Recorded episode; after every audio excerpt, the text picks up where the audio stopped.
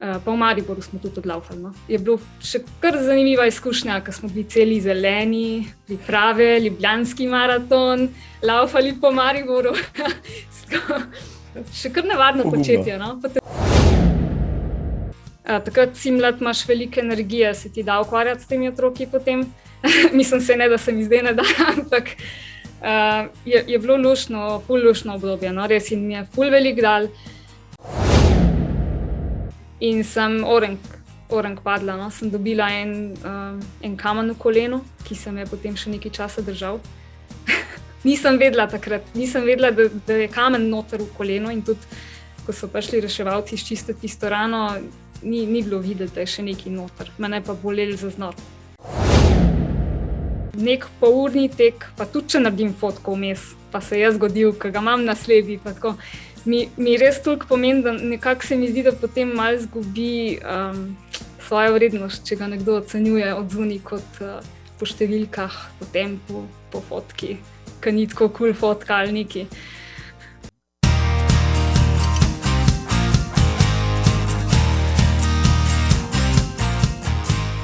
Spoštovani, spoštovane, ja, um, zadnje čase nisem dobro za številke, ampak sem si zapomnil, da je tole 78, že 78 epizoda podcasta za gred, za tek.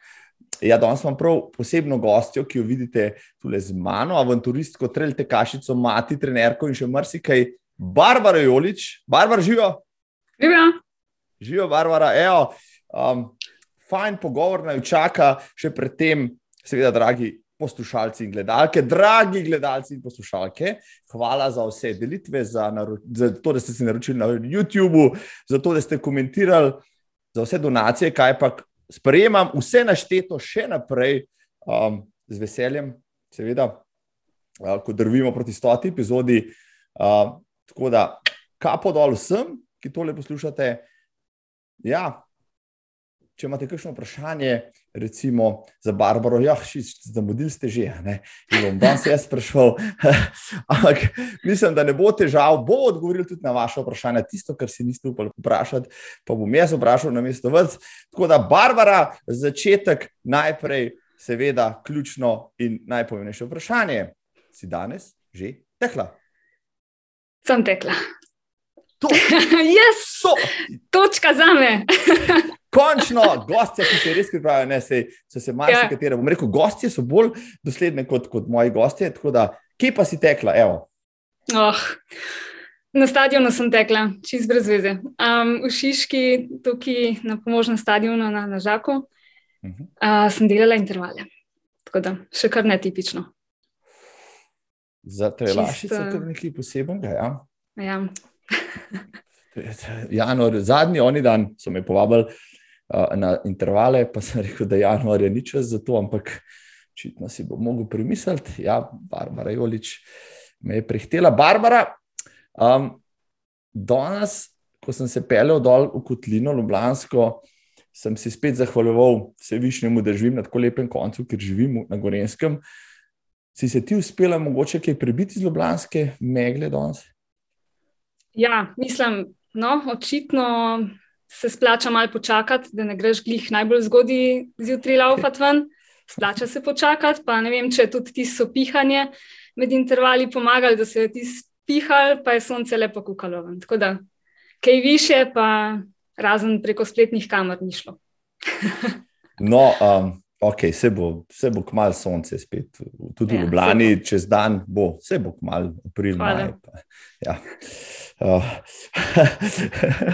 uh, ampak, um, deva zdaj, deva zdaj za res konc hecanja. Evo, zdaj, zdaj boš šla pa za res, za resno vprašanje. Um, Prijem te, prosim, da se sama predstaviš. Sem najdel tak lep opis tebe, da če dovoliš, ga bom kar, ga bom kar uh, še najmenjemu poslušalstvu predstavil. Kdo je namreč Barbara Joli, za tiste, ki jo ne poznate? Ja, je navdušena pustolovka in tekačica. S tekom začela v gozdu za domačo kišo, kišo poznaj pa nabirala kroge na stadionu. Po rojstvu sina se je odločila sprejeti, da je za njo tekanje po gozdnih in hribovskih stezicah tisto, kar daje življenju življenje, kar osvobaja in kar povezuje. Je diplomirana trenerka atletike, svoje znanje in izkušnje pa nabira tudi na drugih področjih, kot so alpinizem, Adventure Race, orientacijski tek in pustolovska tekmovanja. Redno se udeležuje trail preizkušen, znana je kot udeleženka Adventure Raceov po Sloveniji in tudi tujini, in tudi kakšnega drugega odpiljenega dogodka. Najraje poišče na vdihu v naravi, v gibanju in to veselje podeli tudi z drugimi. Zelo lepo, zapisano, Barbara, da je še kaj dodaj, prosim. Uh, odkar je ta zapis nastal, po mojem, se je kaj malega spremenil, kaj prav veliko, pa ne. No. Tisti uh, alpinizem, recimo, ti sem si neki. Sem mislila, da bom šla v to smer, pa ni rad, ali je preveč časa in energije treba vlagati, da se malo bolj lotiš tega. Um, drugač pa, no, če zdaj imam še enega sina, leto pa pol starega, to je drugače. prav drugega pa ne. No. SP imam za trenersko delo. Tako, to je to za začetek. Za začetek si podala dosta informacij, no se bo poglobila v to, kar si zdaj le rekla. Uh, koliko sta stara zdaj, uh, sinova? Osem pa pol, pa leto pa pol, crka. Hmm, ja. za, za, za tvojih rostnih dobrih 30 je to kar, kar podvig. No? Um, in o tem te želim, želim še pojasniti, vprašati. Najprej, če smo že v tekaškem podkastu, um, tek te vendarle spremlja, tako ali drugače, že kar od malih nog. Kje si se najprej srečala, recimo, uh, z neko bolj resno tekaško, tekaško vadbo? Ma bolj resno, pravzaprav ne tako hitro. No? Sicer so me tam nekje, konc, kaj je bilo to, v bistvu v srednji šoli, uh, so me upisali na treninge tukaj v Ljubljani, Adamas. Tam mogoče, da je bilo tako vse skupaj malo bolj začrtan, pa vodeno, pa tako uh, so, bile, so bila tudi kakšna tekmovanja. Sam tudi, tudi v tistih letih nisem bila glih prevzrela, pa pripravljena na to, da bi res, resno tega se lotila, pa v to vlagalo veliko časa in energije. Tako da nikoli prav za res. Sem vedno bolj tako, z eno nogo bila v tem. Tako, uh, ja, malo sem, mal sem brskal v nekih atletskih tablicah, da bi najdel še tvoje čase, uh, tekmovalne z tistih časov. Vem, da si laufala vem, 800, pa 1500, pa te fore. Je tako? Uh -huh, ja, tako je. Um, Koliko ti pa ratalo odlaufati 1500, recimo? Uh, to, mislim, da 5 minut, 10 sekund, nekaj tasga. Ja. Lepo. Da jaz sem v srednji šoli enkrat laufal, se spomnim. 5 minut, 12 sekund, pa sem skoraj umrl. Tako da zdaj si znam predstavljati, uh, da je to kar lep rezultat. Um, zdaj, atletiki pač uh, vendarle nisi, nisi nekako uh, iskala svoje kariere, ampak pa si šla pa študirati vendarle treniranje atletike. Kako to? Na to, po mojem, sem se že prej odločila, da, da me to zanima. Sicer nisem prvo leto šla študirati tega, prvo leto sem kar nekaj pisala. nisem vedela, kaj bi sama sabo. Pol pa sem gotovila, da v bistvu me to privrači, pa zanima, pa da bi se vrgla v to tudi, če jaz sem v bistvu takrat sem mislila, da je to, vse ne bom več laufala, vse ne morem več nič resnega odlaufati. Jaz sem mislila pred svojih 20-ih, da to je to. no, moraš več napredovati, mislim, zdaj si sam še rekreativc, pa šopaš tiste daljše teke. Uh, tako da ne, odločila sem se, ja, da bom vsem probala postati trenerka.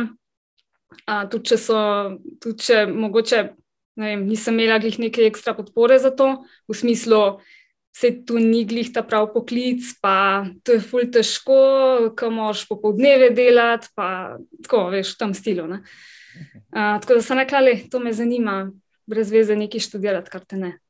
Pol pa v bistvu sem spoznala vse te uh, ultra-traile, uh, uh, venture res te stvari, in sem se pač malo usmerila v to smer, izven stadiona.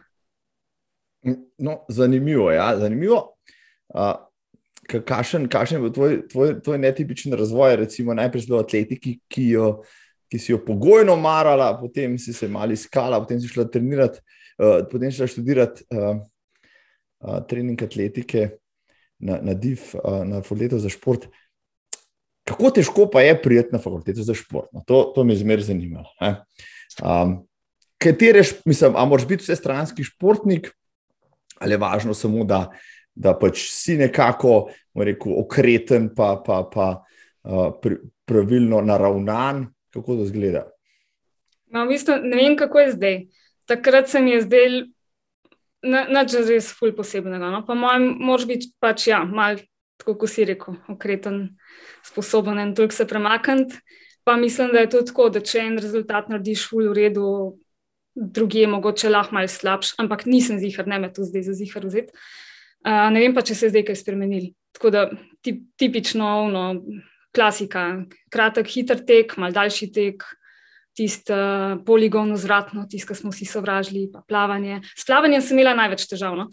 ker sem imela še en strah iz otroštva, da bi glavo potopila in v bistvu vse, kar mi je preostalo, je bila žabca naprej. Ali pa mislim, da sem jaz hrbtno plavala potem. Me, me ena sošolka ko je bila plavalka, me je naučila malo, kako biti bolj efektivna in sem jaz tisto uživansko hrbtno plavala. Toliko, da sem prišla znotraj tistega časovnega okvirja. Je pa res, da prvo leto, prvi letnik, pa še nekaj malega sem opravljala na DIF-u, potem sem se pa v bistvu preselila v Maribor, pa tam štartala isto smer, športno treniranje, usmerjena v atletiko na pedagoški fakulteti. Zanimivo. Tako da nisem Zanimivo. čisto kar na DIF-ovka. No, ampak eh, dala si skozi eno in drugo šolo, kar je rekel, kar ja. neka posebnost. No, vse to je oče izkušnje z dveh fakultet, ne škodijo, prej koristijo. Ja. Um, so, so, uh, kakšni tvoji sošolci, sošolke, morda v tem poslu zdaj uspešni, de, delujejo na kakšnem nacionalnem nivoju, ki je takega? Ne, mislim, mogoče ni fair, ker ne spremljam več kot toliko športov. No? Uh, ker smo bili vseeno mal, nismo bili samo atletika v istem uh, letniku, ne. so bili to drugi športi, tako da mogoče ni fair, pa delam zdaj kvamu krivico, ki ga ne spremljam več, ampak mislim, da, da, da ne, noči za res. Najbrž bi vedela, za koga, če bi bil res orenk, uspešen. Evo, mislim, Na si... koncu pristanemo s tistimi atletskimi krožki, pa sta malmi. Super je. Lej, lej, zdaj, kera generacija si bila polomari vrhu? Ko si diplomirala, um, kje je leto? Oh, dobro vprašanje. Diplomirala sem, po mojem, 2017, samo je trajalo nekaj časa. Tako, da, tok, da, tok, da če imel kdaj generacije 2017, kakšnega atleta, bom rekel, da, oziroma atletskega trenerja iz te fakultete, bom rekel, da ni prvi v podkastu, žal, da to priložnost je že Barbara Jolič izkoristila. Eho. A spremljaš pa atletiko še vse, vse ne vem, slovensko, svetovno, velike tekmovanja in tako naprej. Ja, še kar. Um, mislim, trudim se, ne vlagam glih, ful aktivno časa v to, da bi prav šla pa brala kakšne novice. Um, ful mi je fajn, ker tudi v bistvu ti v podcestih kdaj narediš en tak povzetek ali pa kakšne, uh, kakšne ključne dogodke malo izpostaviš. Pa, ja, tako večinoma teke spremljamo, no. drugo, mm -hmm. mete skoke, niti ne toliko. Teke, no. teki, teki so tisto, ja ki, ja. ki so tudi meni najbolj privlačni, no, z vsem spoštovanjem do ostalih disciplin, vendar le. Um, Zdaj mi pa ti povej, zadnji sem imel en podcast z, z, z, z državnimi prvaki. Prvaki, ne, mislim, jih vprašal, kaj je bil za njih najdogodek preteklega leta v atletiki. Kaj je bil pa tvoj, recimo, če si vsaj malo spremljala? Uf, uh, lepa lahko rečeš karkoli, res. res. Lahko rečeš tvoj interval 17. junija na stadionu, nima, nima veze, karkoli. Sam, uh, nisem čist ziha, če je bilo to lani, ampak mhm. mislim, da je, bil, da je padel rekord na 50 km. Des? Lani, ja, je tako. Je bilo lani. Je tako. Mislim, da je bilo lani pomladi. Ja, tako, tako, tako, okay, tako. Dobro, yes. Točka. Ja, lepa, lepa, lep izbor. Ja. Lep, lep, ja. lep rekord, ja, tako. tako. Um, jaz bi sicer, če me vprašal, koliko je med Kipčogem in drugim naslovom, no zdaj je Bajdovej napovedal, da bo naskakoval v Parizu še tretji olimpijski naslov v maratonu, pa je strži svojih 37, ne, nekaj tasga. No, tako da, evo, to je kar, kar podatek. No, nismo mm. še prestari, no, saj eni, eh, niste še za kakšne dosežke. Um, no to pa še en Warhol, pa kakšen, pa kakšen Ingebrigtsen, kar se govori. No. Ampak ja, atletika je, je zanimiva, uh, dogaja se zunaj marsikaj. Zakaj misliš, no? če si vsaj malo mal v stiku s sceno, se posebej v teku, uh, pa v teku na dolge proge, toliko norih rekordov postavila v zadnjih dveh, treh letih, je tehnologija naredila svoje ali način treniranja? Hm. Ma, čist možno, da, da je več stvari, več dejavnikov, zihar, zihar tehnologija. Sploh se mi zdi, da kot sem brala, slišala, da ti le special um, supergi, da delajo. No?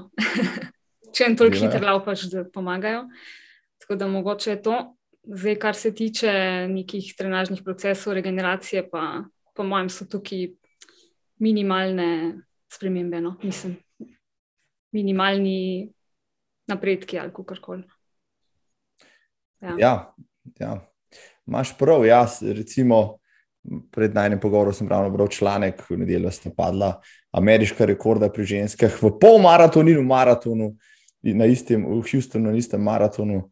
Um, s tem, da je komentator napisal, da ja, rekorda so bila prej stara 15-16 let, prejšnja iz časov pred super čevlji. No, tako da, ja, vendarle, se vsaka, če vsaka sekunda šteje, tudi rekord, ki ga podreš za 10 sekund po 17 letih v nekih karbonskih copatih, morda, morda takrat ne bi bil postavljen na ta način. No. Ampak, ja, pustva zdaj, pustva zdaj to stadionsko atletiko, čeprav si bila danes na stadionu, to so obdelala, evo, kljubca, kljubca. Um, zdaj mi povej, um, kje si se najprej, ko si pač tu študirala, potem um, trening atletike, najprej preizkusila, najprej si že med študijem, no, kot trenerka, evo, tako, v praksi. Hm. Po mojem, med študijem, ja. Veš, tudi ne morem priklicati v spomin, kdaj je bilo prvič, prvič. Ampak, uh, ja, zihar smo imeli, ja, po mojem, je bilo tako, no, da že med študijem, pa potem proti koncu študija smo mogli nabrati tiste, tiste ure uh, v praksi, ne, pod vodstvom mhm. mentorja. Tako da to sem naredila v Mariboru na stadionu. Um, tistih, ne vem, koliko je bilo že ur zahteva, pa planiranja, pa vodenja, pa evalvacije, pa te stvari. Tako da po mojem je bilo na ta način. Ja. Pa sem pa s tekaškim društvom Bistrc nekaj časa delala, sta malmi, pa rekreativci, pa tri pikce, tri pikce. ja, najti te je ne, na internetnih zapisih, marsikaj, ja, kot si rekla, svoje domače ilirske bistrce, tekaško društvo Bistrc, uh, ki organizira tudi Milanja, trelj, če se ne motim. No, tam si, tam si uh, naredila kar nekaj rekel, teh trenerskih korakov. No, vem, da si zdaj angažirana kot tekmovalka in trenerka tudi v Šmargorski navezi. Uh mhm. -huh. pa, pa, če se ne motim, si bila tudi v tistih prvih sezonah trenerka pri pripravah za Ljubljanski maraton. Ja, bravo. Ja. Sem bila da, v Mariboru. Aha, v Mariboru si bila, no, ker si tam ja. živela. Kakšna je bila izkušnja, bila pa to? Najdel sem te neki fotki tam, ki je bil še Blaž, strožar šef, Miha Žargija, Karin, sem prepoznal, no pa tebe tam vmes eh, z malo krajšimi lasmi, no, pa se je rekel, zanimivo, Barbara je oličila pri pripravah. Povej mi, kako si se pa tam znašla, no, sploh v ekipi, pa kako je vse skupaj pač to zgledalo. Hm. Um, tam sva bila, um, jaz pa Aljaš, sva vodila skupaj, mislim, uh, neki skupaj, neki pa vsak zase te uh, skupine. Uh, se ne vem, ali smo enkrat tedensko ali dvakrat tedensko imeli trening, uh, dobivali smo se tam pri Betnavcu, pa tam naredili trening, eh, ali pa tudi šli kakšen daljši krok na okolje. Pa imeli smo tudi te, mislim, udeležila sem se tudi kakšnega tega eh, skupinskega teka, ko so se nabrali tekači iz vseh vetrov, potem vem, tukaj v Ljubljani, pa se tukaj naredili en daljši tek. Eh, pa v Mariboru smo tudi odlaufali. No. Je bilo še kar zanimiva izkušnja, ker smo bili celi zeleni, priprave, ljubljanski maraton, laufali po Mariboru. Še kar nevarno Pogumno. početje, no? potencialno nevarno. Ampak ja, no, v Mariboru mislim, da se ni toliko prijel. Um, ne vem, kaj je razlog za tem, ampak ne vem, kako je zdaj tudi. Nisem več potem bila toliko aktivna. Um, ampak ja, tisto, kar je bilo, je bilo pa lušno. Um, no, glede na to, da so bile to priprave na Ljubljanski maraton, um, Ampak v tistem času, pa na Ljubljanskem maratonu, tebe ni bilo zaslediti, ali kako? ja, špricala sem. v bistvu Ljubljanskega maratona ali pol maratona nisem, nisem še odlaufala. Sem bila sam na tistih šolskih tekih, desetki, te stvari. Ja, leta nazaj. Leta nazaj, ja, še, še v najstniških letih si tiste desetke klepala v 45 minutah, kar je šo, za 18 let, so kar neko super rezultat. No. Uh, mi, stari deci, smo se lansko leto dajali, uh, kdo bo na uradni tekmi najprej šel pod 45, pa pol pod 42 in tako naprej. Ni bil kar naporno. Da, um, se treba že malo potruditi. Ja. ja, se treba kar malo potruditi. No, jaz sicer pri 18 letih moče ne toliko, ampak kako pa to recimo, da nisi. Um, Zdaj si ultrašica, trelašica, ni da ni, no? da se tudi na cesti moče za, za hec nisi preizkusila maraton ali si se. Sem se. Ampak okay. Uh, sem upala, da ne boš tega časa izbrskal. to je bilo v Radencih. V Radencih, ne, sem se, sem se mislila pripraviti na pol maraton v Radencih, pa sem tudi se na nek način recimo pripravila.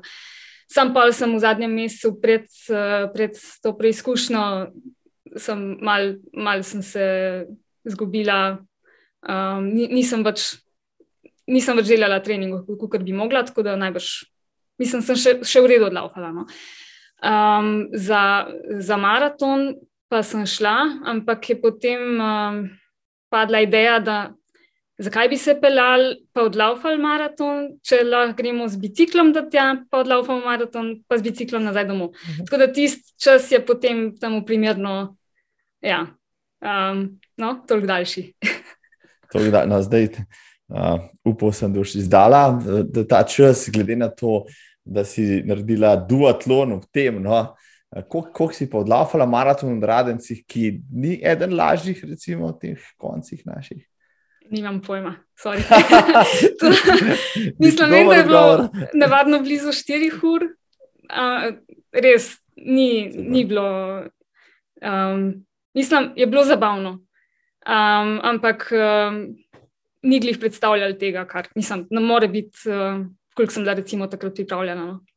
Res je že poznala utrujenost, vroče in tako naporno, maraton pač, no, ne, se ne zgodi kar tako, traja nekaj časa. Uh, tako da sem si na krpčevalnicah kar vzela čas, pa tiste cukre lizala, pa tako malo mal tarnala, kaj mi je tega treba.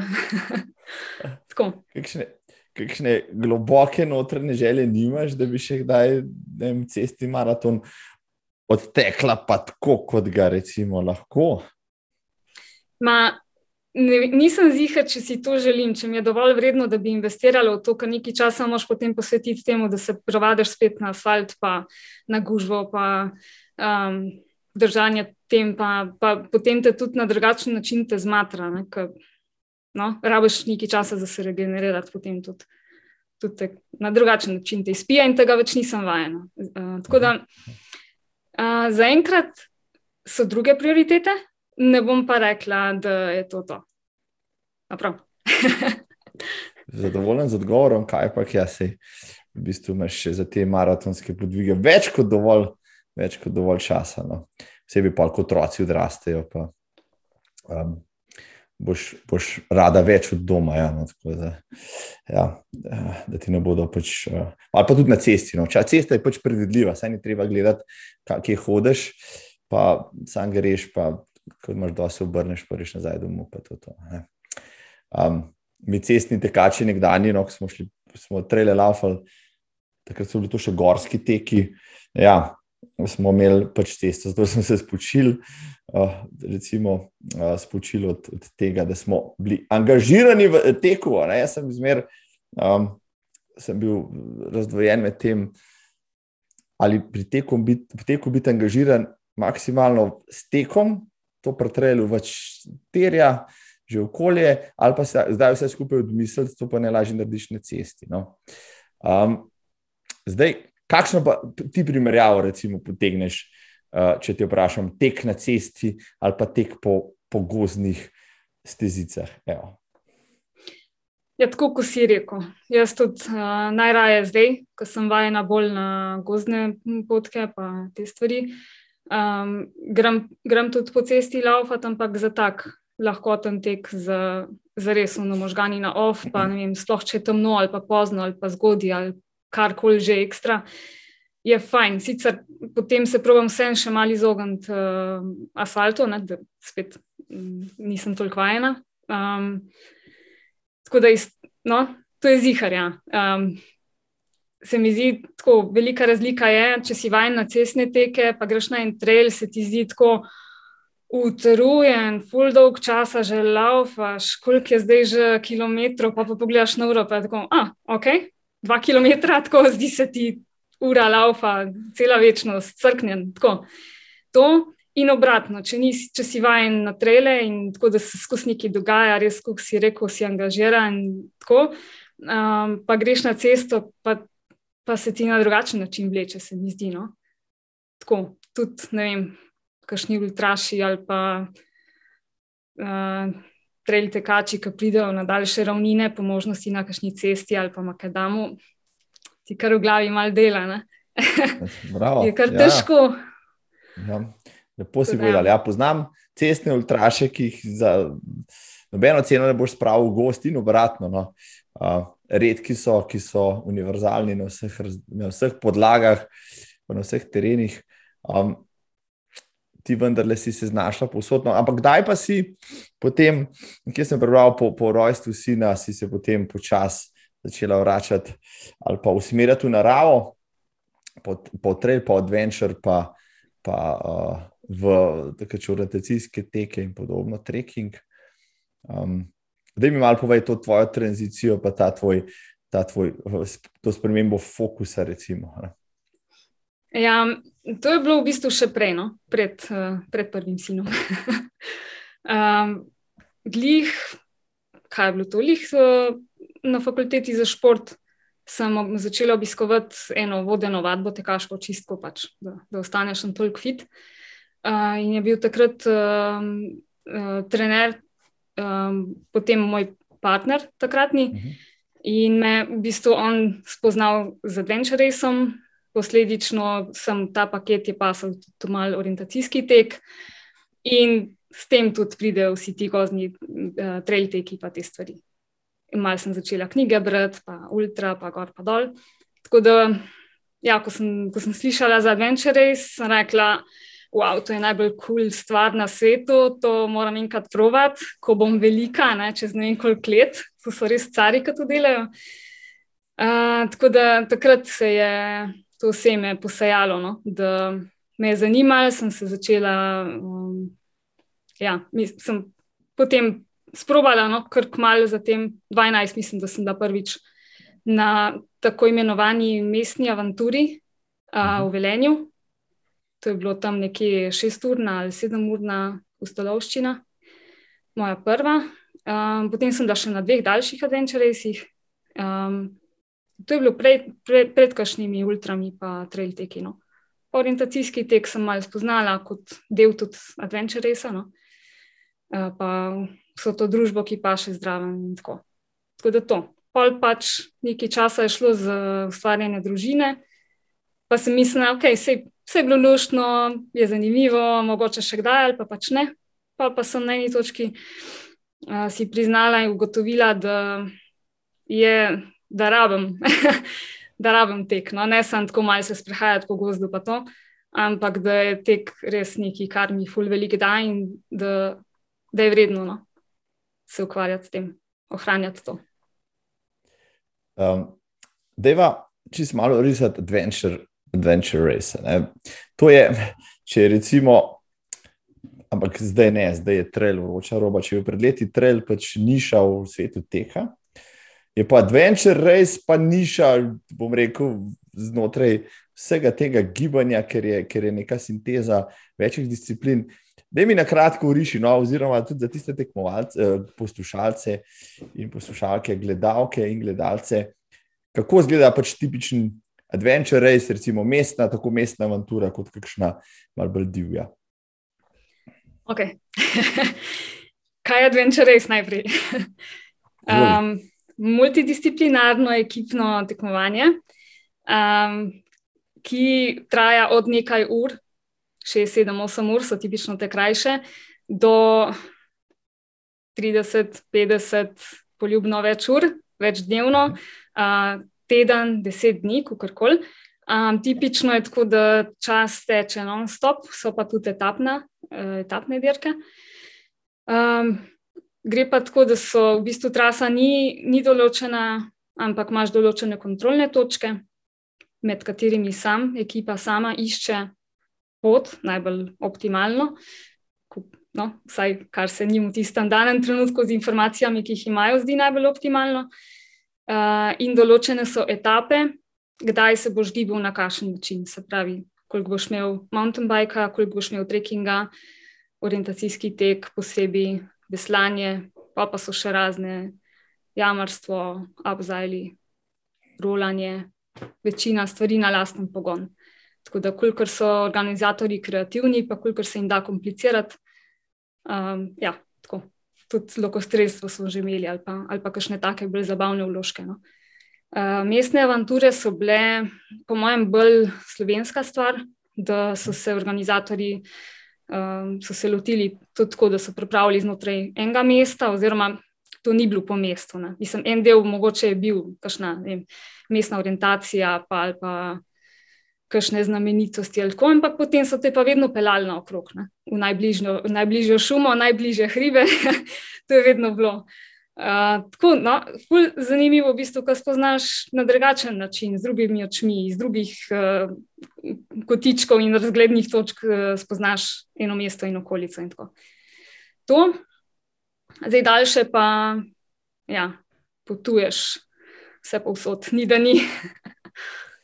um, ja, tukaj si z ekipo, mislim, da postolovec Rajt, če se ne motim, št, uh, ekipa štirih je ponavadi, je tako? Ja, na krajših je tipično dve, okay. na krajših je ekipa dveh, ampak zelo tipično so pa štirje. Od tega večinoma mora biti en nasprotnega spola. Uh -huh, uh -huh. Pravi, če so tri ženske, če so tri ženske, mora biti en moški in obratno. Ja. Uh, ti si bila ekipa, kjer si bila edina ženska, uh, vsaj na tistih fotkah, kjer sem videl. In v tistih časih uh, ste posegali kar visoko, ne? ste bili kar na štengcah ali pa zelo blizu na vseh teh uh, zadevah, kjer ste se pojavili, drži. Še kar ja, nisem uh, na prav prvih dveh mojih adventurih iz Slovenije, to je ta daljši 50-urni. Uh, ni, ni bil rezultat neki ful posebnega. No? Uh, sicer smo bili m, 2016 prva slovenska ekipa, ker takrat je bila mednarodna konkurenca, je bila še kar v redu. No? Pole pa tu vse skupaj malo zamrlo. In v bistvu ni bilo težko na nek način priti na, na stopničke. Tako da tisti glavni del smo že, mislim, ne čist zamudili. No. Ampak ja, mogoče je škoda, da tega ni več. No. Um, tako, potem pa so se Hrvati lotili zelo resno te zadeve. Celo mogoče še malo bolj, ko so v bistvu ciljali na to, da se tekma vrsti v svetovno serijo in to je tudi uspelo. In prvo leto, ko je bila organizirana ta Adventure Race Croatia, uh, smo v bistvu bili tretji na koncu. No? Druga slovenska ekipa, pa tretji. Je bilo kar presenečenje na svoj način. No? Um, ta tekma je bila še demonstra demonstracijska, ni bila še kot del svetovne serije, zdaj pa je. Mhm. Da, naslednje leto ni bil več tako dober rezultat, bil tako, če gledaš sam stopničke, ampak ni to, ni to point. Um, ja, uh, zanimivo je, da adventure raci so bili v tistih časih, ne vem, deset, osem, tudi pet let nazaj, še kar, še kar popularni, no, tudi v Sloveniji, kot si rekla, je bilo nekaj teh avantur, zdaj so se kar malo umaknili v zadje, oziroma jih ni več. No, uh, eno ekipo sem sledil, uh, Klemenom Mudovičem. So, so bili nekje v Italiji, mislim, da lansko leto so bili kar visoko pozicionirani. Uh, ampak zakaj, zakaj je pa Adventure Race zdaj izgubil na popularnosti? Moče zaradi trela ali zaradi česa drugega? Pa se ni izgubil na, na popularnosti. Aha. To je mogoče bolj v Sloveniji uh, trenutno stanje. Ni, okay, ni okay. nujno, da, da bo tako ostalo. Uh, v bistvu v svetu je zdaj kar popularen spet ali pa no, postal Adventure Race. Uh, predvsem, mislim, zelo velik porast je bil zdaj zaradi uh, Eco Challenge, ki je okay. Kdaj je bilo to, pred dvema letoma sneman, tako, tako. oziroma tako. Um, predvsem so organizatori, ki so furali to dobrih deset let v Sloveniji in to zelo na visokem nivoju, uh, so potem uh, no, so to nekako prerasli, živeli in so predali naprej, ampak nekako ni zaživelo nazaj. So se trudili. Uh, smo imeli še nekaj dobrih postolovščin, ampak uh, nekako ni več to.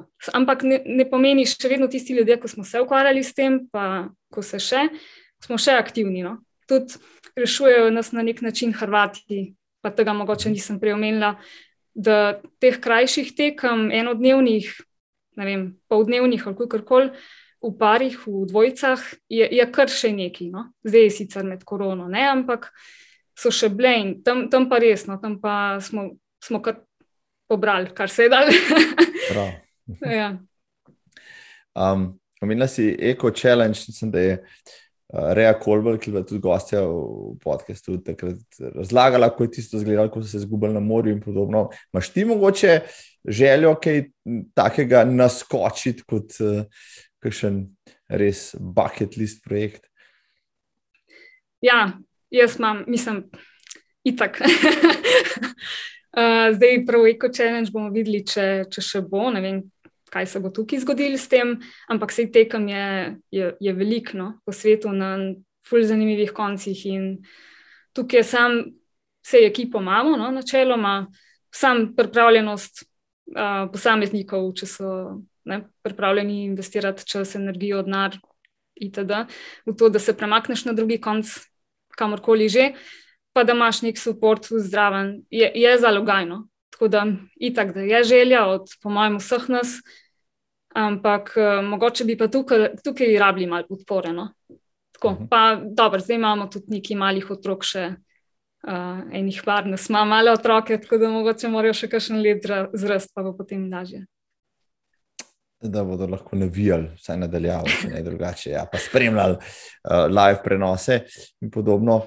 Um, rekla si, da je 50 urne zadeve, kako to zgleda v praksi, pol, se tukaj spil, mesal, uh, kako se to prehranjujete, mislim, kakšen plan se naredi za tako tekmo. Najbrž to ne moreš delati kar uh, po občutku ali pa improvizirati, ampak moraš imeti razdelan uh, tudi to, kaj se lahko zgodi, pa se zgodi. Pa Zgleda malo bolj, bolj naporno planiranje kot običajen, že trail tek, tudi če je daljši, kaj šele cestni tek, ki je praktično no-brainer. Uh, Ja, ja je, je tudi to svoj vrsten izziv. Včasih smo se hecali, da ko smo štartali tekmo, je bilo tako, oh, končno je bil štart, zdaj pa lahko. Zdaj, zdaj pa konc tistega vsega sekiranja, ki je bilo pretekmo, ko moč vse dobiš tipično pred, pred temi dolgimi tekmami, dobiš tipično eno schemo, na kjer imaš vsaj okviren čas ali pa no, kilometre etap in na kak način se boš gibal nekje. Ni zemljevida, ne?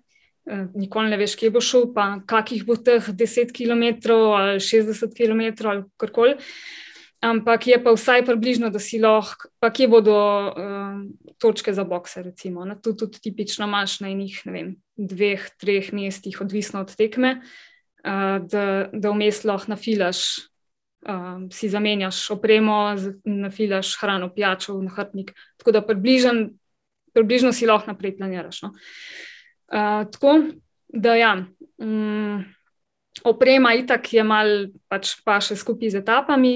Um, kaj boš kaj rabu, na kateri točki, malo potem kalkuliraš, okay, kdaj bo noč, kdaj bo vem, visoka nadmorska višina, da bo bolj brez, kdaj boš moker, kaj boš prišel z veslanja, itd. Ampak vedno te lahko preseneti. Da, to pa prehrana, tudi na teh daljših, itak snekov, neskončno velik vedno imaš nekaj jesti, vedno imaš v teh sprednjih žepkih, pač nekaj gritskaš, nekaj si podajaš, deliš med sabo. Um, to je fajn tudi malo vedeti, kaj ti paše, pa imeti nek širok nabor, da enkrat sladko, enkrat slano, ni da ni. No. Um, pa ponavadi nam je kar v redu delali da, delali, da smo si vzeli to dehidrirano hrano, imeli smo dostop do vroče vode, pa smo zalili, pa je bilo tisto, no, res, kot da bi sveže skuhal um, pojedu fino večerjo in tudi te napolne, lepo se greje, želoček je srečen in lahko šivaš dalje. Ampak večino, večino teh stvari hočeš narediti med gibanjem. No? Tako da to je tudi fajn malo potrenirati. No, če si že rekel, že trenirati, kako pa treniraš za tako zdaj, ok, eno je tek, dobro, to še znam, s kolesom se moče pela tudi če mal, pa imaš pa veslanje, pa abzajljanje, pa jamarstvo, pa, pa rolanje, bog pomaga. Uh, ali moraš vsako disciplino pač vendarle nekaj uri posvetiti, ali si rečeš, ok, to bo moja slabša disciplina, da sam da preživim. Kako zgleda to potem, ko se pripraviš na tako, tako zadevščino? Dobro vprašanje. um, ma, tako, tipično ni tako, da boš vse podelil, vse športe.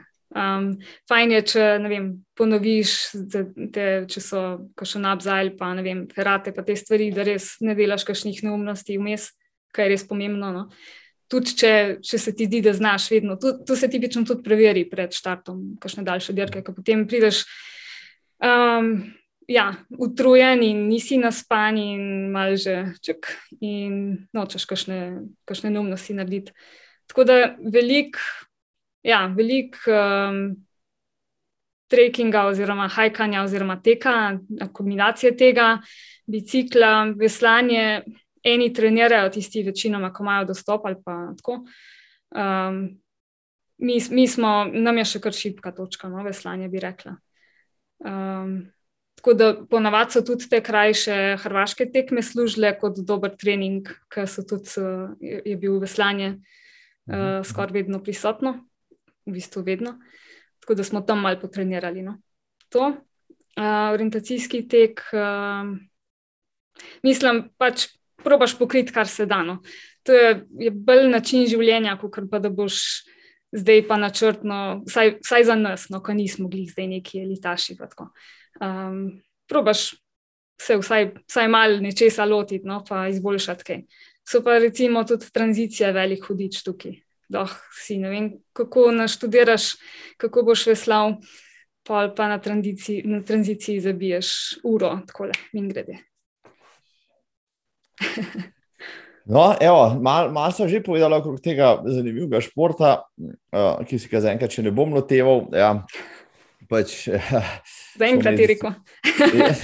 ja, sem nikoli ne veš, daj me zgrabi, kakšne, vse bo sem tudi začel lafati, zato sem bil dolgočasen, pa še kaj drugega, pa po, po feratah les lansko leto, če smo že pri tem, kaj pa veš, moče se. Moče pa kdaj še v zlubu rolanje, pa se bom prijavil na kakšno mesto Manturo, ko bo spet v Sloveniji. Um, zdaj le vem, da moj kolega Matej, ki je drugače zveljenje, to posluša, pa me bo prijel za besedo, ampak mogoče pa ne posluša. Tako da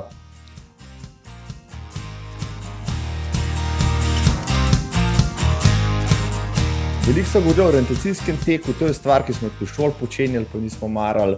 Uh, to je taka specialna disciplina, ker vem, da jo v vojski še prakticirajo, pa sem pa tja na kakšnem tekmovanju. Uh, Obče ni tako prisoten, bil je pa trekking, pred leti tudi prisoten, imeli smo trekking ligo, Hrvati so imeli še dolg za nami, no, pri nas je pol to zamrl. Uh, je pol je bil trail, no, pol je trail nekako nadomestil trekking. Uh, trekking je bil v bistvu stvar, za katero nisi točno videl proge, pa si dobro zemljevid, pa si mogel iskati kote. Je tako. tako. Medtem ko trail, pri trailu pa saj traso veš, vse, kar moš iskati, je ukrepčevalence, če so. Ja. Zdaj, Kdaj si se pa potem po zares spoznala s strelj tekom in ugotovila, da v tej smeri bi pa raziskovala tudi malo dlje, kot pa samo ne, bližnje vršace? Po mojem, sem najprej šla na Pohorje trail. Mislim, da je bilo takrat še nekje okoli dolžina maratona, nekaj tasga po Pohorju, mhm. -huh. ker sem bila pač na Pohorju doma takrat. Um, sem videla, da to je, pa sem začela malo laufati tam po Pohorju, kar dol, pa sem šla to sprobati. Je pa, je pa bilo potem, sem imela to idejo, da bi šla na Slosto, to je bila moja prva ultra.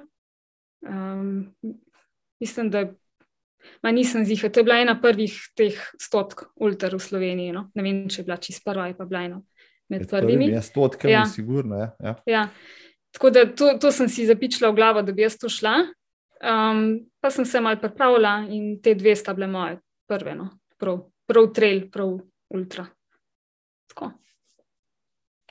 Um, eno vprašanje se mi je zdaj še porodilo, um, te nujno moram vprašati, ne, v ekipi. Uh, z Adventure Race, si bila tudi s svojim partnerjem. Um, Zdaj, kako pa je, okay, eno je koegzistirati, koegzistirati v življenju, pa biti v partnerskem odnosu, drugo je biti 50 ur v nekem gibanju. A je to kakšen poseben izziv, ne vem, prijatelja lahko nekam pošleš, ne? moče s partnerjem, mečken drugač. Si greš tudi včasih na živce, pa si jezen ena drugega. Kako? A to utrdi? Brzo me zanima, no? ali neke take preizkušnje utrdijo partnerski odnos, ali uh, včasih si želiš, da, da uh, se česa takega v, v paru na ta način ne bi šel. Ja, najbrž odvisno od odnosa. Mislim, to je dober test, najbrž za odnos. No, tako to se da slišati. Ja. to je mogoče, kaj je to, team building za pare. Ali, bravo, bravo, ali pa no. Sprobaš, če hočeš, če si tak uh, pustolovski tip človeka, pač moraš sprobati materialne. Peleš, pa šele potem rečeš da ali ne. Mi dva sva bila z Juretom um, v bistvu najprej sotekmovalca v tej ekipi štirk, pa potem še v ekipi dvojk, uh, so šla na enih par tekem in nama je bil vedno, sva bila tako um, efektivna in nama je bilo full žur in tako. Uh, tako da, no, iz tega smo potem um, v bistvu se razvili še nekaj več. In ja, ne vem, um, mi dva sva iz te smeri prišla, no? tako da sva se sprejemali, probala, kako je kaj, ki si tretjo noč ne prespan, pa četrti dan siten. Uh, ne, mislim, nekih ekstra konfliktov tukaj ni. No? Uh, ja, sva, bi rekla, da sva dobra ekipa, uh, tako na adventurejsih, kot tudi kot, uh, v partnerskem odnosu, kot familija in tako naprej. Tako da. Yes. Bravo, lepo povedano, evo, spoštovani in spoštovane. Če želite preizkusiti, če je vaš partner marriage material, ga prijavite na kakšen venture race, ok, v Sloveniji jih ni, bo, bo, bo barva razvihtala kontakte za tujino, pa če te nazaj prišli še tako z veselo zaljubljeni, pa, pa je to to. To je to, sam pogasil. Da sam pogasil, če pridete nazaj sami, pa tudi, ja, ja je okay, dobro, ne hecam se, hecam se. Um, No, evo, zdaj so pa, ok, deva, deva pač to nagovoriti. Zdaj le, tale podcast posluša, um, rekel, tudi kar precejšen delež, vsaj po mojih statistikah, mlajših od 30, tudi mlajših od 20, uh, ki jih zanima pač razvoj ne samo rekel, športnika, človeka, atleta, atletinje, uh, pač pa tudi osebnosti kot take. No, zdaj, Danes se sliši, da 20 tam moraš izkoristiti maksimalno, pa se potem resnim zadevam posvetiti. Znanstveniki, tisti pravi strokovnjaki za, za razvoj možganov, pravijo, da današnja puberteta traja do 25 let, pri moških še dlje, včasih tudi do 50. No, ti si pa odločil že pred 22, pred prejšnjim partnerjem, da boš imel otroka. To je velika odločitev, rekel za mlado žensko. Uh, danes, jaz jih ne poznam veliko, malo jih, malo jih je, ki bi danes v teh časih, kot ti rečejo, pri pr 20, joj. Uh, zdaj pa izkoristi vse možnosti, ki jih imaš, čim dlje, uh, bog ne da, da se, čim, se da ukalupiš, pa, pa, pa ustališ prezgodaj, ker ti bo potem žal. Ne? Ti si šla pa kontra rekel, temu toku in to me zelo fascinira. No, zakaj? V bistvu očitno mi ni noben tega rekel. ne, se ne. Uh, ne vem, pa 22 se je zdela to zelo dobra ideja. Tako, ono, ok, no, zdaj je čas, zdaj smo se ustalili, da imamo zdaj malo družinco, zrihtati. Um, je na nek način je bil en tak, um, sem šla v drugo smer za nekaj časa, no, za nekaj let. Um, tako da, ja, takrat sem se odločila, mislim, da sem se s partnerjem odločila, da si to želiva. In In to je bilo to, ne vem, ko si, veš, ko si v enem obdobju, pa ne, ko se razvijaš v eno smer, ne vem. No? ne vem, kako in zakaj, in kako nekomu svetovati. Ja, mogoče je res redko, da se nekdo odloči tako hitro za družino, ni pa čist izjema. No? Uh, po eni strani, zakaj pa ne? ne? Uh, takrat si mlad, imaš veliko energije, se ti da ukvarjati s temi otroki. Mislim, se ne, da se mi zdaj ne da, ampak uh, je, je bilo lušno, fullušno obdobje, no? res jim je full velik dal in uh, tudi razvijaš se drugače kot človek potem za naprej. No? Tako da življenje se je obrnilo na glavo, parkrat zavrtel, pa streslo, ampak je, je bilo vredno vsega tega. Tako da, uh, pol, pol pa spet, ne vem, s takratnim partnerjem, ne sva šla čez čas vsako svojo smer naprej, takrat se pač še iščeš v življenju in tako. In, uh, in ja, in potem je nekaj let minil, minil na tak način, uh, dokler, dokler se ni spet zgodil še en mali, mali fant. Vidiš, evo, dve, dve to zanimivi zgodbi. Ja. Uh, dva sinova, s katerimi se ukvarjaš. Ne, kaj sem hotel dejansko s tem vprašanjem uh, uh, izvedeti, oziroma kaj me zanima in kakšno sporočilo bi rad dal tudi uh, tistim, ki poslušajo in gledajo. Reč, da nič ni narobe, no, če se v nekaj mladih letih uh, odločiš, rekel, rekel, spremeš take življenjsko pomembne odločitve, kot so družina. Um, mogoče so vse ostale, kaj pa vem, selitev, menjava službe in podobno, uh, bistveno manj pomembne kot pa, pa to, da boš, da boš ustvaril družino, da ni s tem nič narobe, še, še več, da smo, da danes, dan današnji družbi, gledamo na to kot uh, preizjema, kot, kot pravilo. No? To se mi zdi, uh, da smo v eni generaciji. Uh, v eni generaciji čisto zašiftalo in zato se mi zdi to fascinantno, še posebej, ker je to, ker si to ti, recimo, kot športnica, ki si bila že pred, pred recimo, prvim porodom zelo aktivna, a, pred prvim otrokom. Da mi zdaj povej, no, to bo tudi moče zanimivo za marsikatero žensko, pa tudi njenega partnerja, na vse zadnje. Um, nekatere neko, športajo praktično do porodnišnice, dokler jim voda teče, druge so zelo zadržane zaradi zdravstvenih razlogov in tako naprej. Kolo pa pri tebi, recimo pri prvi, pomoče potem tudi pri drugi nosečnosti. Bila si dobro pripravljena, aktivna, fit, ampak kako si se pa ti lotevala športanja v, v blagoslovljenem stanju?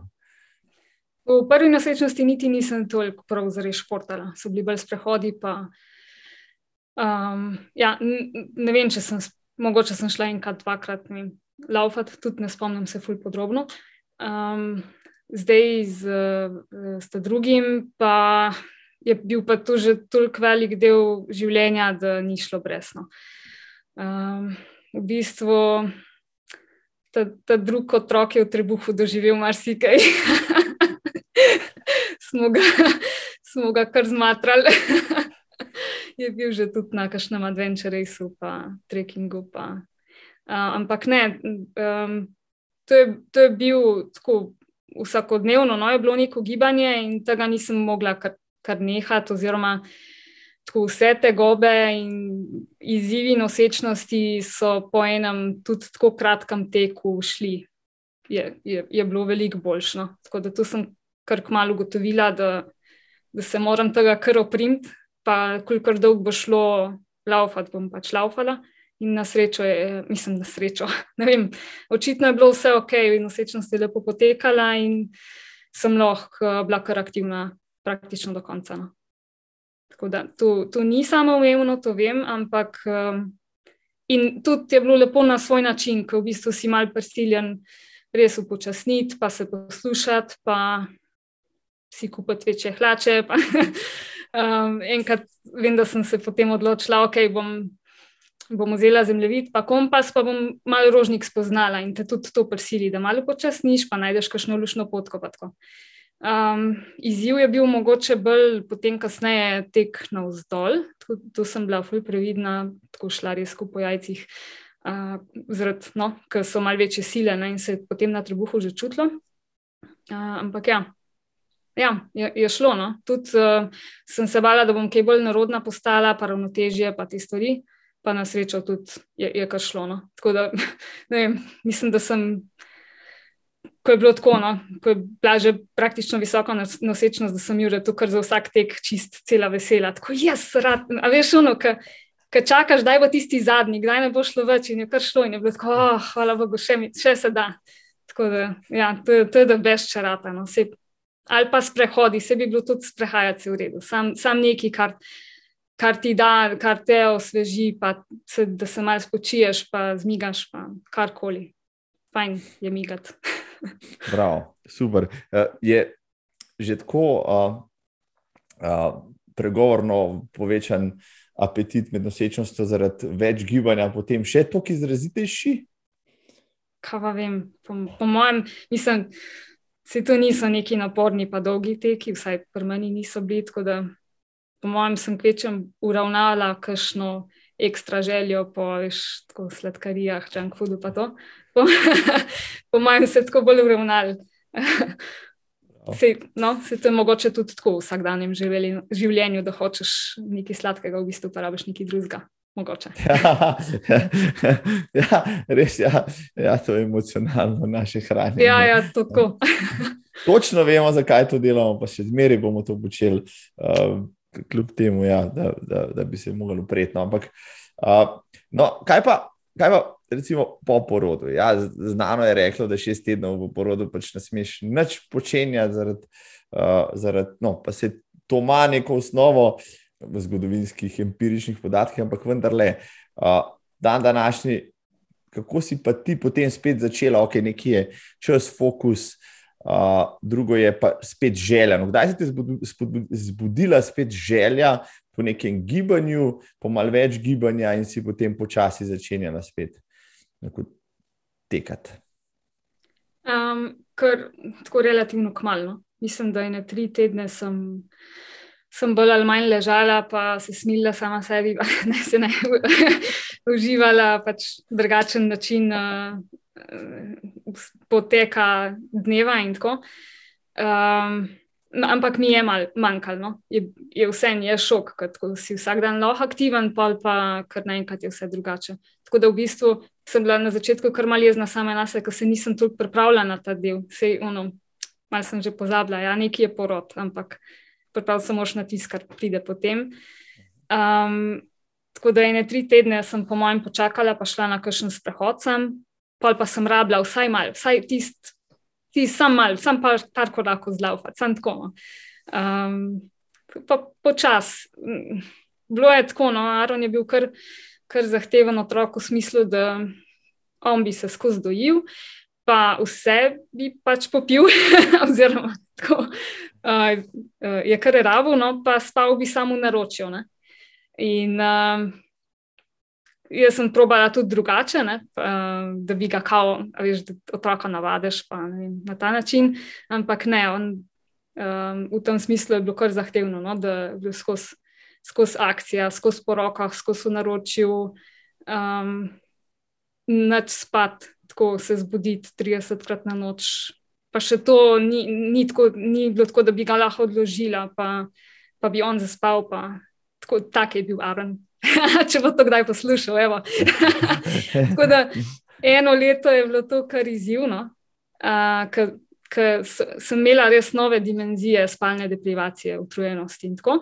Ampak ja, zaradi tega mi je še toliko več pomenilo, če sem za tistih 15 minut, 20 minut lahko šla malo polavati. Sam toliko. Tako da nekega hard treninga potem, ali tako veš, da bi prišla spet čez nekaj časa v neko rutino, neke, ne vem, uh -huh, uh -huh. res redno miganje, pripravljene na neki, ni, ni bilo čisto resno. To? Ja, tako. Pa pa, kaj je ded začel jesti uh, tudi uh, pravo hrano, pa tako, pa ga je lahko Jure imel za več kot 30 minut, um, pa je bilo malo lažje tudi na kakšen daljši tek. No, vprašanje seveda, ki, ki sem ga hotel postaviti, pa si jih na pol že odgovorila. Uh, pred časom sem imel tudi Martino potrč, uh, ona ima tudi uh, majhnega otroka in danes se pogovarjala tudi o tem, kako se ti moče življenje postaviti na glavo, kako moraš zadeve kar naenkrat bolj optimizirati, pa planirati, kako usklajevati družinsko življenje, pa biznis, pa spanje na vse zadnje, na koncu moraš pa še kakšen trening spraviti, spraviti noter posebej če si nek trelaš, kaj še le ultra trelaš in tako naprej. Ne? Mhm. Se pravi, ne vem, za, nek, za neke resne podvige, ki jih zdaj počneš, rabaš tudi 5-6 ur nekega treninga. Se to da, rečemo, z majhnimi otroki, vendarle uskladiti. Ja, da se, mislim, če si to želiš, pa uh. -huh. najbrž, najbrž se da. No. Odvisno od tega, kako družino imaš, vem, podporo imaš in tako naprej.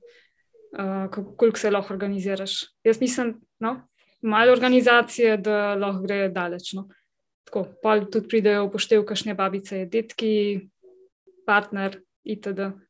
Tako da, ja, da se, zdaj pa neki nasilo, glih ne, no? najbrž tako, sploh prvo leto, če imaš to srečo, da, da otrok spi, pa da, pa da je, pa tako polja, valjda, sam pogasil. Ampak. Um, Drugač pa, če, če pa že tako stresno, pa si že tako crknen, pa nekih takih dolgih tekov, po mojem, glih nočeš delati. No. Tako da tukaj malo tudi, kaj je namen tega miganja. Prav. Bravo.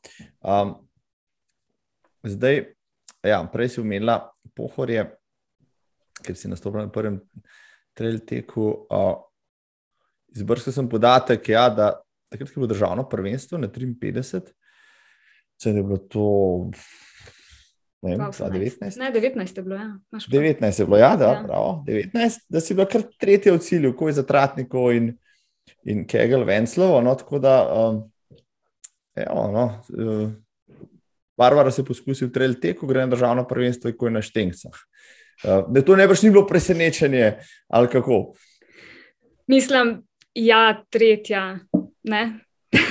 na štengah, pa to, ampak časovno, če pogledaš, pa ni zdaj tukaj neke, nek vrhunski dosežek. Da, to je bilo bolj, bolj slučajno, bolj je bilo kot, mislim, jaz to vse skapjemljem, kot ne da ciljam zdaj biti med prvimi tremi ali kakorkoli. Um, bolj kot izkušnja, bolj kot gremo to doživeti, pač kar bo bo, pa kot trening, ne na zadnje, na, na druge stvari, na daljše stvari. Meni je laufat fajn, tako vsakodnevno, pa id tudi na kakšen tek, tako, ampak um, se mi zdi, da bolj, bolj si jemljem vse te stvari kot izkušnje, pa kot pripravo na nekaj, kar še sledi. Recimo. Tako da adventure res mi zdi, kar ful bolj fajn tekmovati. No. Hm, to ja. sem hotel vprašati, kako se sama sebe deklariraš kot adventure racer, kot trelašica, kot ne vem, kaj, kaj, kaj drugega, kot atletinja. Morda, ja. Ampak praviš, da adventure race ti je, ti je bolj pri srcu. Ma, probam, mislim, ne predalčkam se noglih. uh, ja, valjda se mi kul zdi, da no, se gremo adventure race, to zihar. Um, kot tekačica. Ja, valjda, če laufam, pa najbrž sem tekačica, kot atletina pa glih ne. No. Tudi športnica je že tako mal, že malo resno se sliši kot rekreativka. okay, okay, pošteno.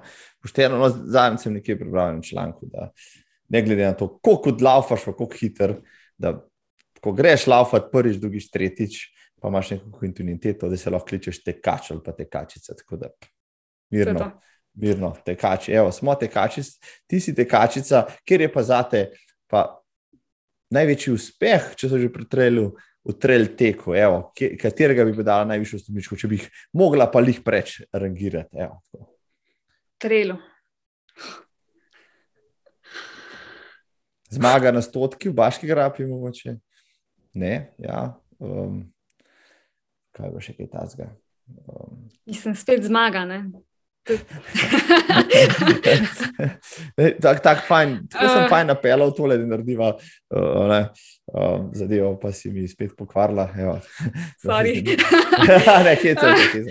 Um, je, je bila, to je bila zihar fajn izkušnja, zanimiva izkušnja. Uh, ne vem, če je najljubša zato, ker ta podbordana. Um, če je najljubša, ker sem takrat en kilometr pred ciljem padla. Tako, na, na makedamskem, tako čist rahu spust je bil, na nič sem se spotaknila, na en tisti kamen, ki glih mal ven bolj štrli. In sem orang, orang padla, no? sem dobila en, um, en kamen v koleno, ki se me je potem še nekaj časa držal.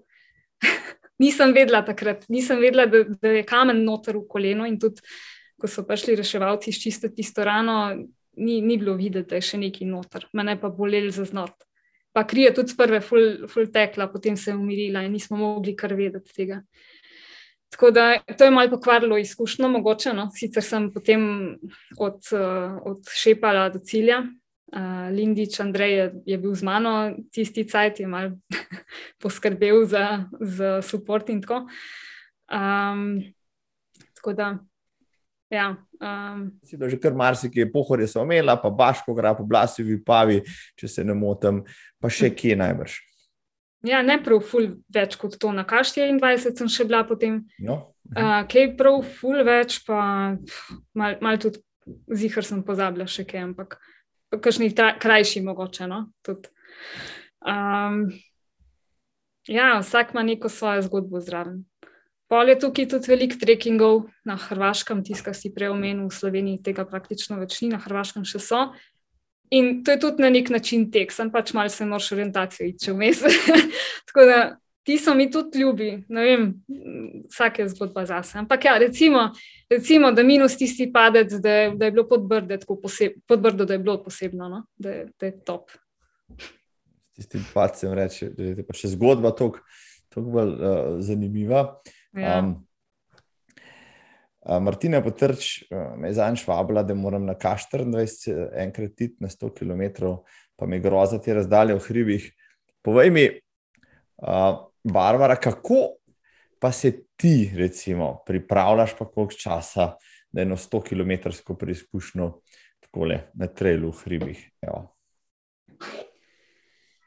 Um, Nisem se še prav tako resno neki pripravljala, da bi imela kakšen plan, pa da bi rekla, da bom pa toliko ur na teden delala. Tako. tako da tukaj te moram tudi malo razočarati. Um, ni, to mi je super, ni, jaz ga tudi nimam nikoli, tako da če mi rečeš, da gre brez plana, sem že korak bliže, eh? izvoli. um, ja, tako da ni, nisem, jaz sem še kar rekreativka, no? tako bom rekla. Um, pač laufala sem, kolikor se je dal, šla na kakšno daljšo, kolikor se je dal, z, z, no, tudi za izlet in za malo sprobatke in tako, za trening.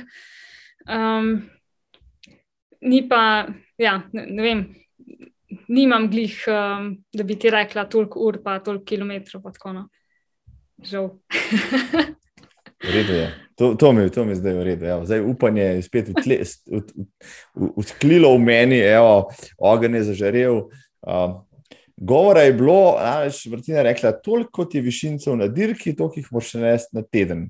Pa sem koj prečrtal vse skupaj, ker to je, oziroma razen če izberem lumpitek. Ja, um, ker, ampak vendarle, no, uh, če čist malo urišal, rekla si, ne vem, 50, ko greš za trening, vseeno, vseeno pa moraš biti kar nekajkrat na teden tam zunaj, moraš iti v hrib, moraš iti uh, delč, moraš iti hiter. Ja. Ja, no, sej, recimo, da zdaj si dam tisti moj trenerski klub, si dan gor. Mhm. Ja. Um, pa ti iz drugega zornega kota odgovorim. Um, ni, ni tudi, mislim, ni pravilo, da moraš tukaj pa tukaj kilometrov narediti, pa tukaj pa tukaj višincev narediti, da se boš pripravil na eno ultra. Um, vsaj, mislim, uh, tako, fajn, fajn, je, fajn se je pripraviti uh, v obdobjih. Da imaš vem, eno obdobje, ki malo delaš, vem, malo manj volumna, pa malo bolj intenzivno, pa imaš eno obdobje, ki narediš orang volumen, pa takrat nabereš res velik višin, pač odvisno od tekme, na katero se pripravljaš. Pa narediš takrat tisto dozo višincev, pa sendvič teke, pa specifika, pa hribi, pa teren, pa nočni tek, pa sprobaš se opremo, pa streniraš prehrano in te stvari. Ja, tako se pripraviš na eno. Tako, če se hočeš res pripraviti, potem rabiš, mislim, rabiš plan, no, rabiš si malo razporediti, kdaj boš kaj naredil. To, mislim, to je pametno, to je pameten trening. Tako da jaz tega, jaz mogoče bom probala zdaj to uporabljati. No, zato sem danes delala intervale, kaj je ideja, da grem na še kakšno ultra letos. In, uh, in tako da bom probala to, to, kar drugim pišem za pripravo na ultra, da sprobam to tudi sama. ne da je sem tako, da grem mal polaufati, ampak da se mal pripravim. Zdaj le bom pa s tebe zvabil in za ston uh, trening, uh, kljub temu, da si profesionalna trenerka. Kaj si danes delala na stadionu, kakšne intervale, Evo, tako čist, eh, da bom jaz prvo enkrat to ustvaril sam. Ja, ne vem, če dela za vse, tega ne obljubim. Danes sem delala 6x800 metrov uh, z namenom, da mal uh, spodbudim svojo maksimalno porabo kisika, da se mal. Uh, adaptira telo na to. Na eni točki se tudi, če delaš samo dolge teke, pa lahkotne teke, nizkointenzivne, se tudi tukaj ustavi. uh, rabiš mal zvišati tudi druge trešolde. Tako da to je ideja za tem. 6x800, s kakšno hitrostjo, skok počitka? um, hitrost je, po mojem, tam nekje 3 minute 35 sekund na kilometr. Tam nekje, ne vem, ne, ne gledam hitrost, gledam samo to je tam 3, 2 minute, nekaj 50, 52 sekund, crka. Pa enak, enak, enak čas, kot traja interval, traja tudi počitek. Cirka. Tako, sekunda gor dol, recimo tri minute traja počitek. Ampak ja. to je, no, imaš potem različne verzije intervalov, tako da lahko to proga, proba, lahko pa tudi malo drugače.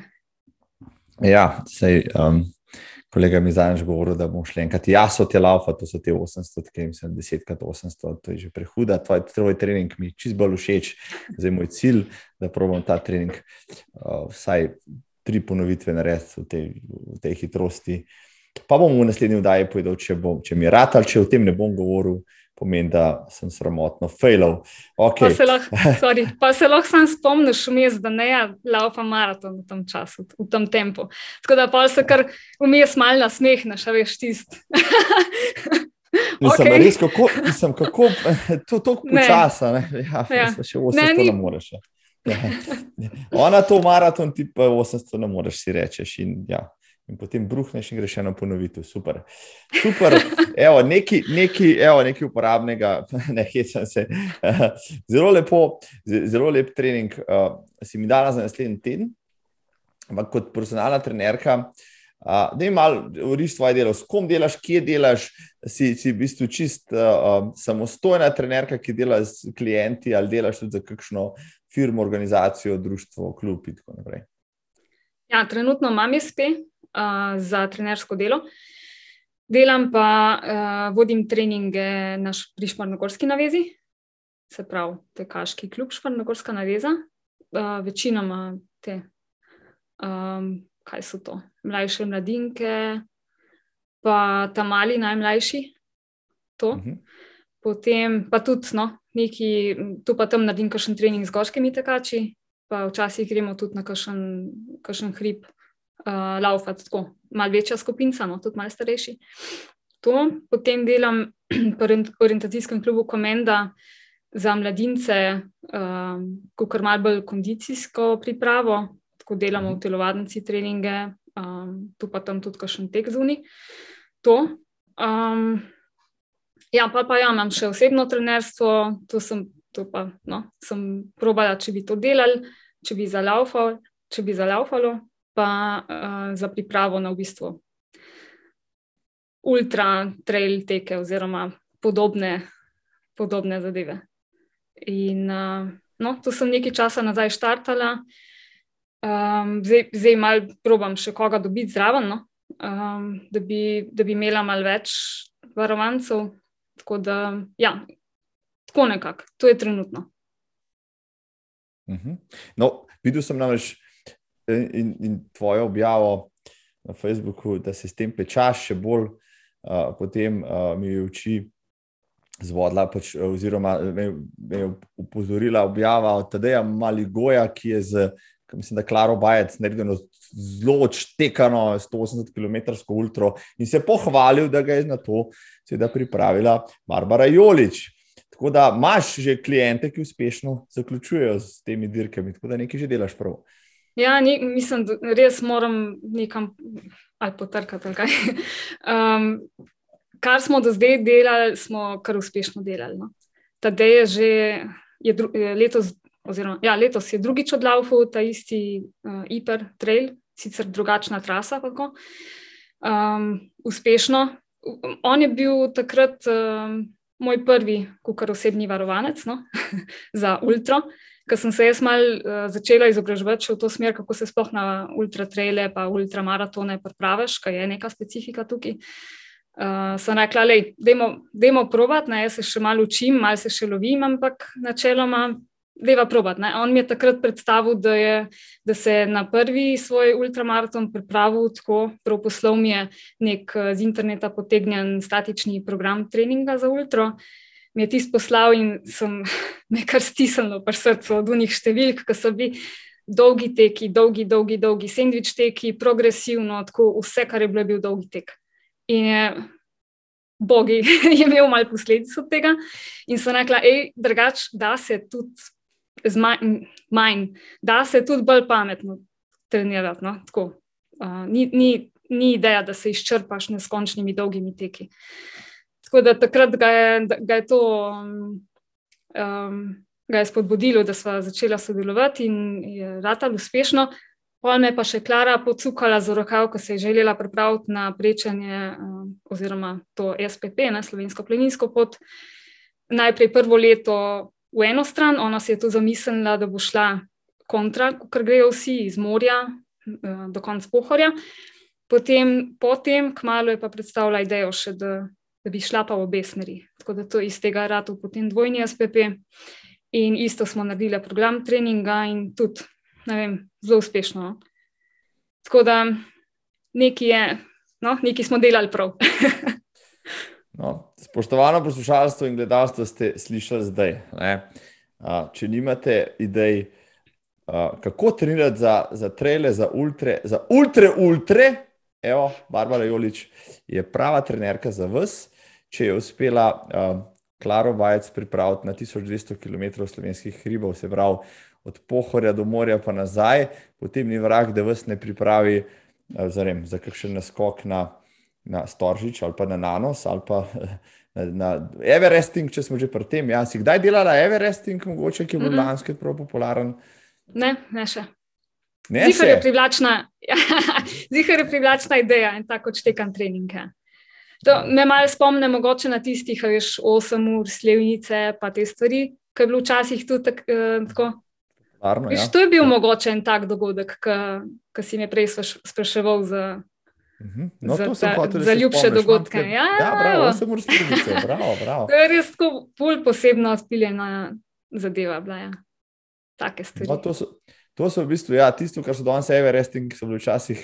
8, 12, 24 in podobne, 48-urne dirke, ja. um, ki, ki so bile pa množične, no, in tam si srečal ljudi, lahko ure in ure znova in znova.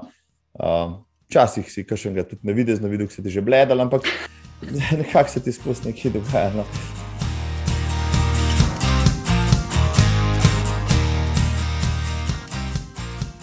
Dej pa še nujno, ja, lanske so na vezi, nujno mora povedati nekaj o SPP-ju, dvojnem SPP-ju, Klare Bajec, ki jo moram, mimo grede, tudi če zvabiti v tale podcast, da o tem kaj več pove.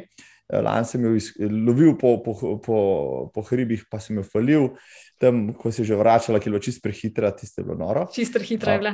Čist, čist noro. Mi smo bili predtem na vezi, par dni predtem, ko je ona štartala, rekla si, ok, da mi zrihti tvoje podcaste, da bo ona poslušala vmes. Uh, ne vem, kako je imela kaj časa poslušati, no, ker je bilo vse skupaj res, res eh, neverjetno. Pa veliko ljudi se je priključilo vsemu temu. Ti si bila skozi kot trenerka del projekta, tudi kot spremljevalka, nekaj časa in tako naprej. Da jim, mogoče, pa zdaj z tvoje perspektive, uriši ta, rekel, kar, kar noro čtekan, neverjeten podvig. Um, ja, jaz sem bila na parih odsekih, predvsem sem uh, prevzela pohorski del, ki mi je tako uh -huh. uh, malo bolj znan, pa prijazen teren za lauf. Uh, Jureta smo pa poslali na kakšne bolj uh, hribovske, ko je treba, ko je, ko je pa fajn, da, da imaš spremstvo tako, komu zaupaš, pa uh -huh. Uh -huh. zna tudi um, shendljati stvari, če gre, mislim, če nastane kakšen izziv vmes. Uh, drugač pa smo imeli um, skupino na Messengerju, kjer smo se priključili vsi, ki smo bili zdravi, tako ali drugače, ali je kdo spremljal, um, ali se je kdo priključil, da je šel kakšen odsek sklado. Drugač, um, splanirali smo približno, kako naj bi, šel, kako naj bi šlo uh, iz Maribora proti morju. Kako naj bi šli odseki, ampak tu lahko pred par dni lahko splaniraš, potem pa že od tukaj do tukaj, mogoče, če bo vse ok, ker je toliko dejavnikov, ki vplivajo na to, kako boš napredoval. Zihar je bila ideja, da, da se ne skur na začetku, valjda, logično. Um, ja, pa da, da približno ve, kje bo spala, pa bo, da bo imela neko spremstvo zdraven. Um, pol, pa, pol pa mislim, da, da je imela res ful, um, ful spremljevalcev, da so kar večino časa je, je bil nekdo z njo. No. Je, so bili so tudi trenutki ali pa odseki, ki je bila sama, kar tudi najbrž ti paše, ki si skozi toliko gibanja. Uh, tako da, ja, mi smo spremljali potem zelo naj, velik del no, preko tega, ki so, so ostali, malo pošli, pošiljali fotke, pa napisali, kje je. Tako, tako da je bilo res skozi skozi Messenger, pa navijanje, pa dejmo, pa bravo. Pa Njen mož, uh, Matjaš, je bil praktično vse čas support, se je cele dneve vozil, um, pa jo ujel, pa je naložila vem, hrano, pijačo in tako naprej. Tako da je on tudi, uh, njega smo tudi vedno vsi kontaktirali, če, če smo rabili kakšne informacije, kje jo uloviti, kako ji gre in tako naprej, no. da nismo nje preveč obremenjevali direktno z nekimi mesiči, pa klici. Pa in uh, kaj naj rečem, mislim, sej nekaj planiraš, pa. Jaz sem verjela v njo, da bo ratal, pa da je pripravljena, pa izkušena, tako poznala je traso, hribovka, mislim, izkušen ima ona, res ni da ni iz ulter, iz triatlonov, hribov in tako naprej. Uh, sam, ko se pa tu odvija v realnem času, pa vidiš, da res gre. Pa tudi, če so bile kakšne težave, sem, vem, vem, da, se, da je imela neki z nogo, da jo je bolel. Pa sem rekla, hej, to, to se bo samo porihtalo, bo šidla in dan bo nehal boleti. In je res, in se ti zdi, da je v redu, ni, ni rabla zaradi tega se ustaviti, ampak je šlo to čez in noro, no, ful, ful dobro. Nam je kar dala enega navdiha no, takrat.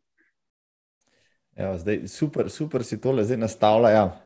Do kratke, ja, klaro, klaro povabim in bova, in bova čvekala v tej temi bolj uh, poglobljeno. Uh, ti mi pa samo povej še ob tem, da bi se ti tudi podala, kdaj na kakšno tako odbito zadevščino, uh, če bi se pokazala priložnost. Imáš v glavi mogoče kaj, kaj tako odštekam. Glede na to, da delaš na adventure race več dnevne, ajde, morda pa tudi kaj takega.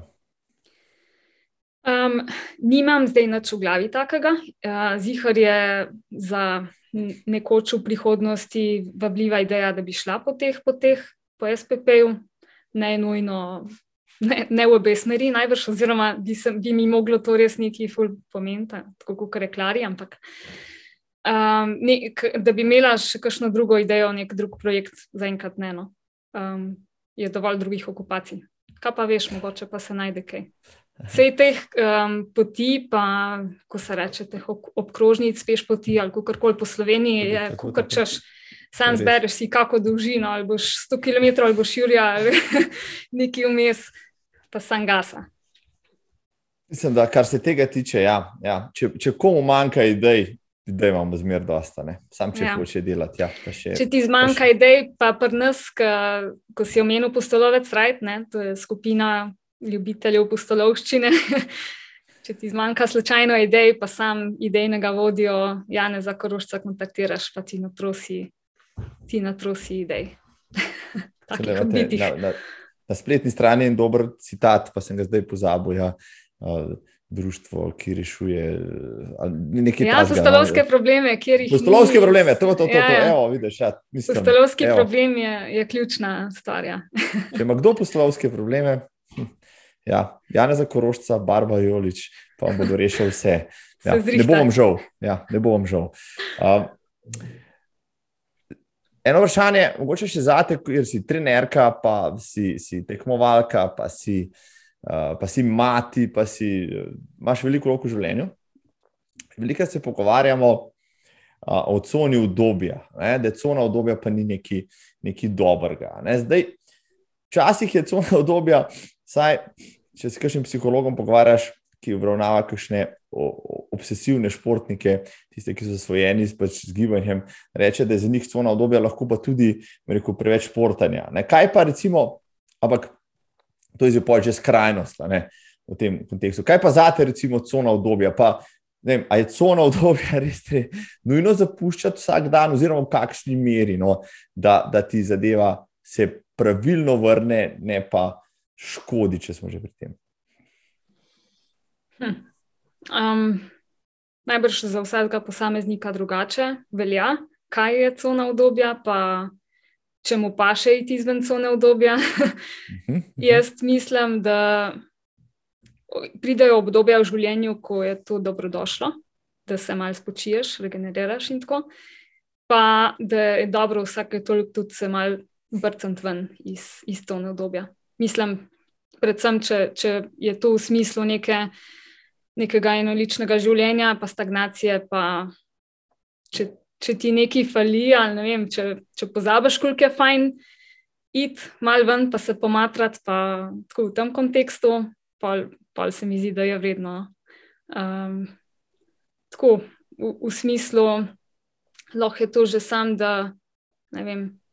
Greš laufati takrat, ko zunaj dežuje, ali pa sneži, ali, ali je tema, ali neki, da je malo drugače, kot kar navadno. No?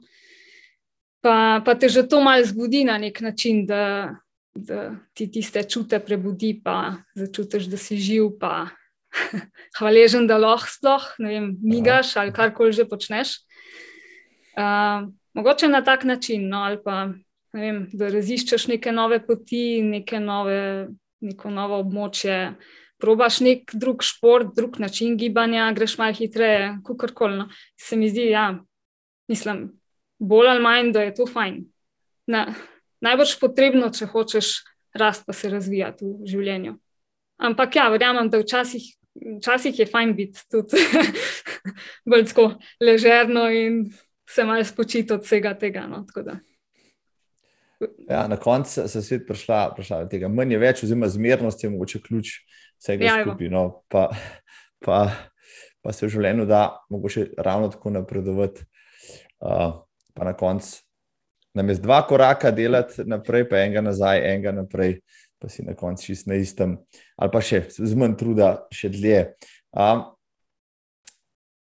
bral sem in tvoj uh, zelo lep zapis, uh, ki si ga začela stavkom: Noč ima svojo moč. Pustolovci si to večkrat ponovimo, veliko krat doživimo, in se še, vse, še vseeno, še vedno znova temu čudimo. Uh, najbrž se spomniš, zakaj gre. To, to, je, to gre za tvoj uh, krožni trail podvig uh, okrog Bohinjskega jezera po hribih. Um, sem si pogledal tiste fotke, opis. Uh, Me je kar, kar vabilo, da bi šel to poskusiti.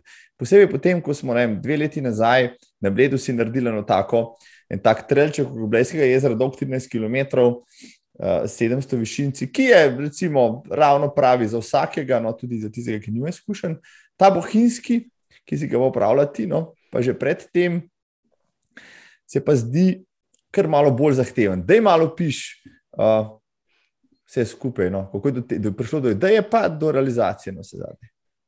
Ja, tako ste mi prijatelji, um, pustolovci ali pa tekači, kakorkoli, ki so nam všeč približno enake stvari, se tudi kdaj zmenimo, za kaj skupaj špičati. Ne? In tako čist, zato ker imaš vikend prej, ali zato ker se pripravljaš na neki, ali zato ker hočeš iti preveriti neko novo območje, traso, realizirati idejo, karkoli. In uh, takrat je, po mojem, Tomaš Cankar, ki smo bili tudi v ekipi skupaj, um, je rekel, da bi šel, po mojem, je on dal idejo, da bi šel ta krok pa je vprašal, če grem zraven. In valjda, itak, da grem zraven. in uh, ker pač sva, ne vem, mislim, da sem naslednji dan delala, sem se mogla vrniti v Maribor, pa on je tudi, po mojem, tu stišal nekam vmes med obveznosti, je pač bila ideja, da greva po noči, pa imava na voljo 12 ur, da prideva na okrog, pa najbrž bo to šlo ne, na ta način. In ni tak, uh, tako, mm, kar se trase tiče, ni nekega filozofiranja, tela svojiti po hribih uh, na okrog in uh, In ja, in je uspel, no? mislim, da glih nekje v 12 urah so pa šla naokrog. In ja, to je, to je res slušno. No? Um, že tako trening gibanja po noči, za to, kar se gremo, in ultraši in postolovci, mora biti, no? da, kar je drugače, se premikati po noči, po, pa sploh po kakšnih bolj zahtevnih terenih. Um, pa tudi malo bolj dolgotrajna obremenitev. No? To je tudi fajn tu pa, tom, tam, tu pa tam narediti. In uh, noč sva pomahala na črni prsti soncu v slovo, in sva šla čez noč, in potem na drugi strani, tam na pršilcu, mislim, da, oziroma malo prej je pa sonček spet ven pršil. in to je to. No, in se uh, čudiš vsem tem dogodkom, mislim, tako, no. veš, ne, tem malim no. čudežem, ki se zgodijo zvečer, po noči, zjutraj, vse to. No, uh, zdaj, evo, ko bom šel, pa če bom šel, no, te pobaram za kakšno sled ali za kakšen napotek, zato da um, pač ne pridem v kakšno napačno dolino. No, ker jaz teh nimam takih orientacijskih spretnosti, kot jih imaš ti, in bo vse prav prišlo. Um, Deva za konec, Ursula, pol se že pogovarja, draga Barbara, res zanimiv pogovor. Um, vem, da so se, ko so menila za tole snemanje, si rekla, jo, ja, zdaj pa že jaz sem na vrsti, no, zdaj mi žal, da te že prej nisem pobaral, no, ker bi kakšno stvar že, že prej v špiču, ker sem zdaj uh, dala idejo. Uh, super, super debata. Uh, povej mi, uh, mogoče uh, še tvoj odnos. Uh, do socialnih medijev, do, do, do Instagrama, Strav in podobnih. Nekateri, pa marsikdo no, na sceni, na treli sceni, tekaški sceni, je uh, nor uporabnik, uh, strasten uporabnik vsega tega. Pri tebi se zdi, da morda nisi, da si bolj zadržana to zadevno, no, uh, da ne objavljaš toliko kot kdo drug, no, da ne prepravljaš tega prostora digitalnega tam zunaj z, z neskončno množico fotk in nekih objav, ampak uh, zelo izbrano to delaš. Kakšen, mislim, vsem, da nimaš časa, ampak kakšen je pa tvoj odnos do tega? No? Mogoče še ta pogled tvoj. Um, ja, probam ohraniti približno zdrav odnos do tega, vsaj kar se meni zdi, da do, v določenem trenutku je. Um, pa ni neke vi, više filozofije za tem v resnici. No? Um, tako, itak Facebook, saj malo daljš časa uporabljamo, pa tam je tudi, uh, tudi jaz spremljam določene ljudi, pa sem tudi kdaj kaj prebrala, videla kakšno fotko, kaj kdo neki v špiču. Tako. tako da na Facebooku sem večinoma tudi delila, recimo, kakšne fotke pa zapise, večinoma kakšne reportaže. No. Um, za reportaže, sem, za deljenje reportaž sem se odločila, ker, ker je meni tudi to fajn brati od drugih. Um, kaj je nekdo v špiču, kaj se je dogajalo, vse vmes, kot so res take lahke, full-epske zgodbe no? in navdihujoče. In uh, pa ne rabiš prav veliko za, za, za narediti tako zgodbo, no? sam doživeti pa zapisati. Tako da zaradi tega sem, sem tudi jaz se potem um, po kakšnih uh, postolovščinah, pa ultrah lotila, pa zapisala, pa delila. Prav, da bi pa zdaj uh, kaj več od tega, pa po pravici povedan. Um, mi, ne vem, že nek polurni tek, pa tudi če naredim fotko vmes, pa se je zgodil, ker ga imam na sledi. Mi, mi res toliko pomeni, da nekako se mi zdi, da potem malo zgubi um, svojo vrednost, če ga nekdo ocenjuje od zunaj kot uh, po številkah, po tempu, po fotki, ki ni tako kul cool fotka ali neki. Uh, tako da imam, imam te dragulčke malo zase. Ja. Ampak tu pa tam pa, pa vsem podelim, ker ima ni tudi fajn spremljati no? druge. Zdaj, v meri, taki, probam ohraniti zdravi meri. No. To nekaj sem probala vzljubiti, da bi malo bolj redno objavljala, ampak ne vem, nekako. Ne rata čist, mogoče bolj tudi uh, z vidika, da bi kot ekipa, tu smo se tudi nekaj časa trudili, da bi bili malo bolj aktivni, bolj privlačni za neko podporo ali kako koli. Pa tudi, ne vem, malo zmanjka časa. Se mi zdi, da moraš se kar potruditi za to, no? da, da neko vsebino konsistentno, pa kvalitetno uh, dostavljaš. Tako, kar se strave tiče, pa uh, mislim, da sem bila nekaj časa zelo povezana s tem. Ampak uh, takrat je po manj še obstajal Muskant, pa jaz potem vedno zapišem, kaj je posebnega med tekom se zgodilo, posebnosti razmer, kako sem se počutila in tako. In v eni fazi, ko se je tam uskant nehal, pa je sam sunta aplikacija, nisem naredila na novo te povezave. Da, pa, pa, pa, pa se odvadiš no, na to. Super. Super, ja, je muzika za mojo šest, samo se. Uh, pa ne, da bi bil uh, a priori proti tem, ker tudi sam to uporabljam, ampak včasih se mi zdi, da, da je tak overload vseh teh podatkov, vseh strani, da potem je vse tako instant, da zgublja svojo vrednost in da si naslednji trenutek ne spomniš več, kaj si videl. In, in uh, na koncu pa vsi tekmujemo, kdo bo, ja, tako praviš, posnel lepšo fotko nekega zahoda. Pa, pa hitrejši interval naredil sem zato, da bo dobo več kudosov, ampak mogoče res temu vse skupaj ni na meni. Uh, da čisto za konec, Barbara, vem, da si bila ali pa si še veganka. No, lepa. um, ja, um, dajmo reči, da sem pretežno rastlino jedka. Ker veganstvo je nekaj več kot sam prehrana. Sem sicer pred vem, desetimi leti ali kdaj sem se odločila za to, da, da nočem več živali in živalskih produktov, produktov imeti uh, na jedilniku, in tudi sicer, da ne podpiram preveč tega, sem se kar uh, potrudila no, v to smer. Um, ampak se mi zdi, da potem se je to malo mogoče tudi na napačno smer in razvil in je dobil napačen prizvok, ko, ko si rekel vegan. Pa, um, se mi zdi, da pomembnejše od tega, zdaj, ali si ali nisi, ali si vegetarijanc ali vegan ali karkoli tretjega in četrtega. Da, če že hočeš nekaj narediti za dobrobit planeta in drugih uh, prebivalcev sveta, da ni treba drastične spremembe.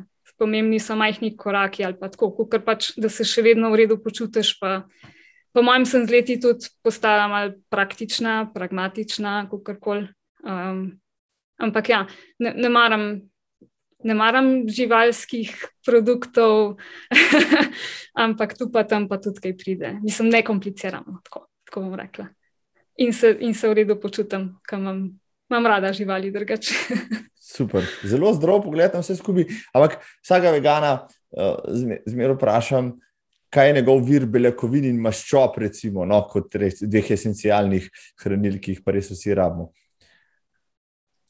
Um, ne, ne kompliciram. No. Um, da bi, mislim, ni nekega posebnega vira ali kako koli.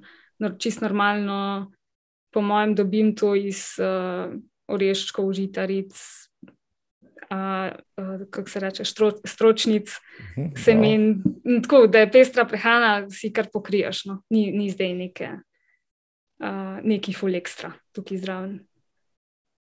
Um. Ja, ne, ne deluješ samo, da bi ti primankovalo česar koli, no, pa v vseh tvojih, tvojih podvigih, uh, kar cvetiš. No, tako da, ja, mogoče bi pa uh, Uh, jaz, kot rekel, strasten mesojedec, nek, nekdaj sem bil, zdaj ga moče pojem malo manj, pa razmišljam marsikaj. Uh, pa me zanima tudi, zvram, posebej rastlino jedstvo v, v reku, takem zdržljivostnem športu, ki je naporno za telo. No in, evo, um, lep odgovor. Uh, všeč mi je, no, všeč mi je ta, všeč mi je ta najna debata. No, res, res globoke teme so zašla in uh, veliko informacij se dobu zelo. Uh, rekel, inteligentni odgovori na tvoji strani so tisti, ki uh, bi zdaj le mi dali še 12 stažov distočnosti, da bi se še pogovarjali, ne paru. Ampak ja, vem, da imaš ti svoje obveznosti, tudi poslušalci, ki tole zdaj le poslušajo na teku. Počasi že pričakujejo, da bo konc, ker ja, urce pa pove že kar za veliko zadrgant, no se bova zaključila, ja, obljubam, zelo kmalo. Barbara bo še vprašal, recimo, da imajo vsi maratonci na tem svetu, ali pa večina njih na bucket listi, maraton majors, eh, vsi ultraši, UTMB, kaj ima pa Barbara Jolič nek, nekje tam na bucket listi, da bi pa res rada enkrat naredila odtekla, eh, če boš sam le čas, denar, pa volja. Zdaj si me pa dobo. Uh, za ultramaraton. Mislim, za začetek bom šla na Istro. No? To. to je, da je ostati uh, v bliži, bližnji prihodnosti. Okay. Nimam neke nore želje iti na, na nek ekstra dogodek. Um, ja, v bistvu ne, ni, nimam nekega sanskega dogodka, na, do katerega bi rada prišla. Um, ja, tako nekako. Mislim, vedno boljše ta pogovor. No? Zelo, zelo taki, uh, rekel, zreli odgovori, uh, moj rekel, minimalistični uh, način, uh, moja filozofija, ki sem ji dolg časa sledil, uh, zdaj le uriska. Ne? To je tisto. Ne? Na, na manj stvari si obsesivno vezan, lažje živiš, na stvari, na dogodke, na karkoli. No? In In, in tudi nisem pričakoval, da boš rekla iz prve, ki še nutem v ali kaj tasga. Ja, to bi, po mojem, ja, ne. Ja, ne, igral, iskreno, ja, ja, iskreno pač, pač ne. Mislim, ne rečem, da, da ni privlačno ali nekaj, sam ni pa, ni pa sajnskega zaenkrat. Um, Barbara, tole je, bilo, tole je bilo res fajn. Um, sam še to mi povej, vem, da smo uh, se pogovarjali tudi o tem, si iz Ljubljanske bistrice, živela si na Štajerskem, uh, da si v Ljubljani. Vem pa, da te, da te vleče ven pač iz kotline. Ja, je tvoj dolgoročni cilj, da bi vendar živela nekje bolj pod gorami, no? pa bliže naravi, pa gmajni, pa kakšnim vršacem. Ja, lahko rečem, da zjutraj tam aktivno delajo na tem, v to smer. Uh, Vsem, mislim, smo, smo take sorte ljudje, ki rabimo miganje v naravi, rabimo malo miru. Uh, pa eno fajn igrišče za bajto, v smislu gost, hribi, poljubno dolge ture ali kako koli. Tako da, ja, glede na naš način življenja in da to hočemo še dolg časa početi, pa glede na to, da bo sta fanta tudi pač malo tudi v to smer najbrž vzgojena, uh, nama, to, nama to veliko pomenja. In um, tudi izkazalo se je, da je pomembno, kaj imaš za bajto, tako res na dohvatu roke, tako rekoč, ki to najbolj pogosto uporabljaš. In rožnik je zakon, res. Uh, tukaj v Ljubljani smo lahko srečni, da ga imamo sred glavnega mesta. Pa tudi nedalec stran, se, se, se ni težko zapeljati. Eno uro pa si lahko že, že kar ne, lepo, noter, fajn v divjini, če hočeš. uh, ampak ja, vse to, kar imaš pa vsak dan na dosegu, to pa lahko fajn izkoristiš, pa je vredno, no? vsaj za nas. Tako da, delamo v to smer. Ja, vidiš, da sem zadobil kar slabo vest, ker živim tle pod storžišem. Pa, pa. Delo ja, zamenjati. Pa, pa, pa še nisem steral, danes otrok v nevo, zdaj le bom to naredil, kljub temu, da je že večer, aj do vej, sto dnevi s polno luno. ne, ne, ne, vse bo v redu. Ja, mogoče bo še bolj romantično, polna luna, mogoče ki vpliva na te, ja. ali si čist indiferentna. Uh, ne vem, to si pa ne upam trditi. Mislim, zihar je lepo tako moteče je, ko spiš. če, nimaš, ja, ja, če nimaš dobrih zavest, pa to. Uh, in tako luna je krasna, uh, kak, v kakršni koli obliki. se strinjam, se strinjam. Uh, Barbara, uh, kje se letos najprej, na kateri dirki se srečamo, na katerem trelu te bomo kaj videli, evo, spomladi? Spomladi. Um, ne vem, kje boš ti, A, če se bova mi dva, ki je ujela, srečala. No, bom ciljal, bom ciljal, ajde, povej mi, izzovi me, pa mogoče, mogoče uspem priti. Zaenkrat za moji najbolj fiksni plani so bolj na Hrvaško. Mhm. Se pravi, 100 milistre, to je sigurno. Ja, Adventure iz Kroješa je potem končno se zgodi letos, no, upamo, ker se je zdaj prekladal že nekaj časa. Um, pa še en projekt se tudi naka nakazuje uh, na Hrvaškem. Uh, Za Slovenijo pa, po mojem, na, na UTV-ju bom zihar, ampak ne kot eh, tekmovalka. To, to mislim, da je tudi kar, kar zihar. Drugo pa čist po navdihu, pa po fraj vikendih, pa kukar, bo, kukar se bo dalje, bomo še videli. No, na vsak način te nekje ujamem letos, evo, tako ali drugače, mogoče na, na kakšnem treningu, če ne drugega. Ja. Uh, da mi podeliš kakšno, kakšno svojo treniško skrivnost, kako ne trenirati za stotke. Evo, to mi je zelo všeč. kako pač laufati po navdihu, pa pa iti na stotko. Evo, to, mi zdaj, to, mi zdaj, to mi zdaj ostalo v glavi. Uh, Barbara, super, uh, včasih mi je bilo veselje, res, res sem se zabaval in, in veliko premišljal o tem, kar si govorila. Jaz mislim, da je bilo tudi gledalcem, gledalkam, poslušalcem všeč. Um, Mogoče še čisto zaključne misli, no, prej se posloviva, um, kakšna filozofska taka, zakaj, zakaj se splača vsak dan iti vsaj mal ven, rekel, na luft, v gmajno, kamorkoli že, no, se sprehoditi, odlaufati, um, pa zamenjati, recimo, evo, interjer za eksterijer, tudi če vreme moče malo slabše. Ja, če kar komu tu pomeni veliko, no? Ampak recimo, da poslušalcem tega podcasta gibanje uh -huh. zunaj neki pomen. Zakaj je vredno? Zagreti, ja, tako. ja, um, ja, no, fajn je telo spraviti v pogon. Zdaj, kaj, kaj se dogaja med tem z glavo, ali ful premišljuješ nekaj, ali je čist prazna, to tudi različno ljudem različno deluje. Ampak um, že to, da, da srce malo bolj pumpa, pa da malo globlje dihaš, pa da začutiš malo tiste veter na obrazu, pa karkoli že je zunaj, ali sonce, ali dež, ali karkoli.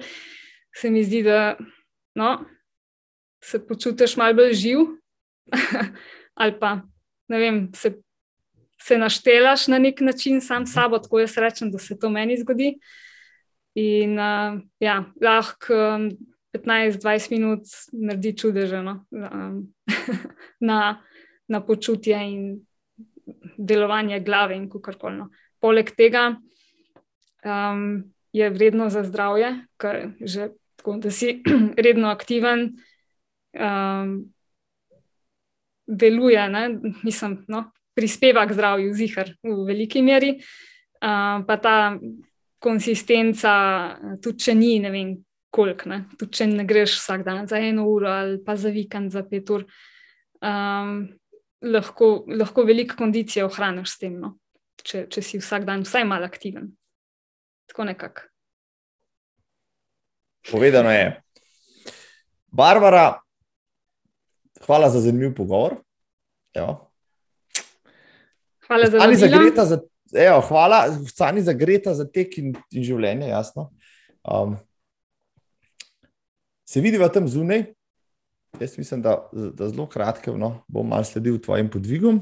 Um, spoštovane, spoštovane, evo, če ste se zabavali in uživali v tem pogovoru, če vas še kaj zanima, evo, Barbaro najdete na Facebooku, pa jo poklikajte, jo vprašajte. Lahko jo najamete za osebno trenerko, uh, trail, ultra trail teka. Vesela vas bo.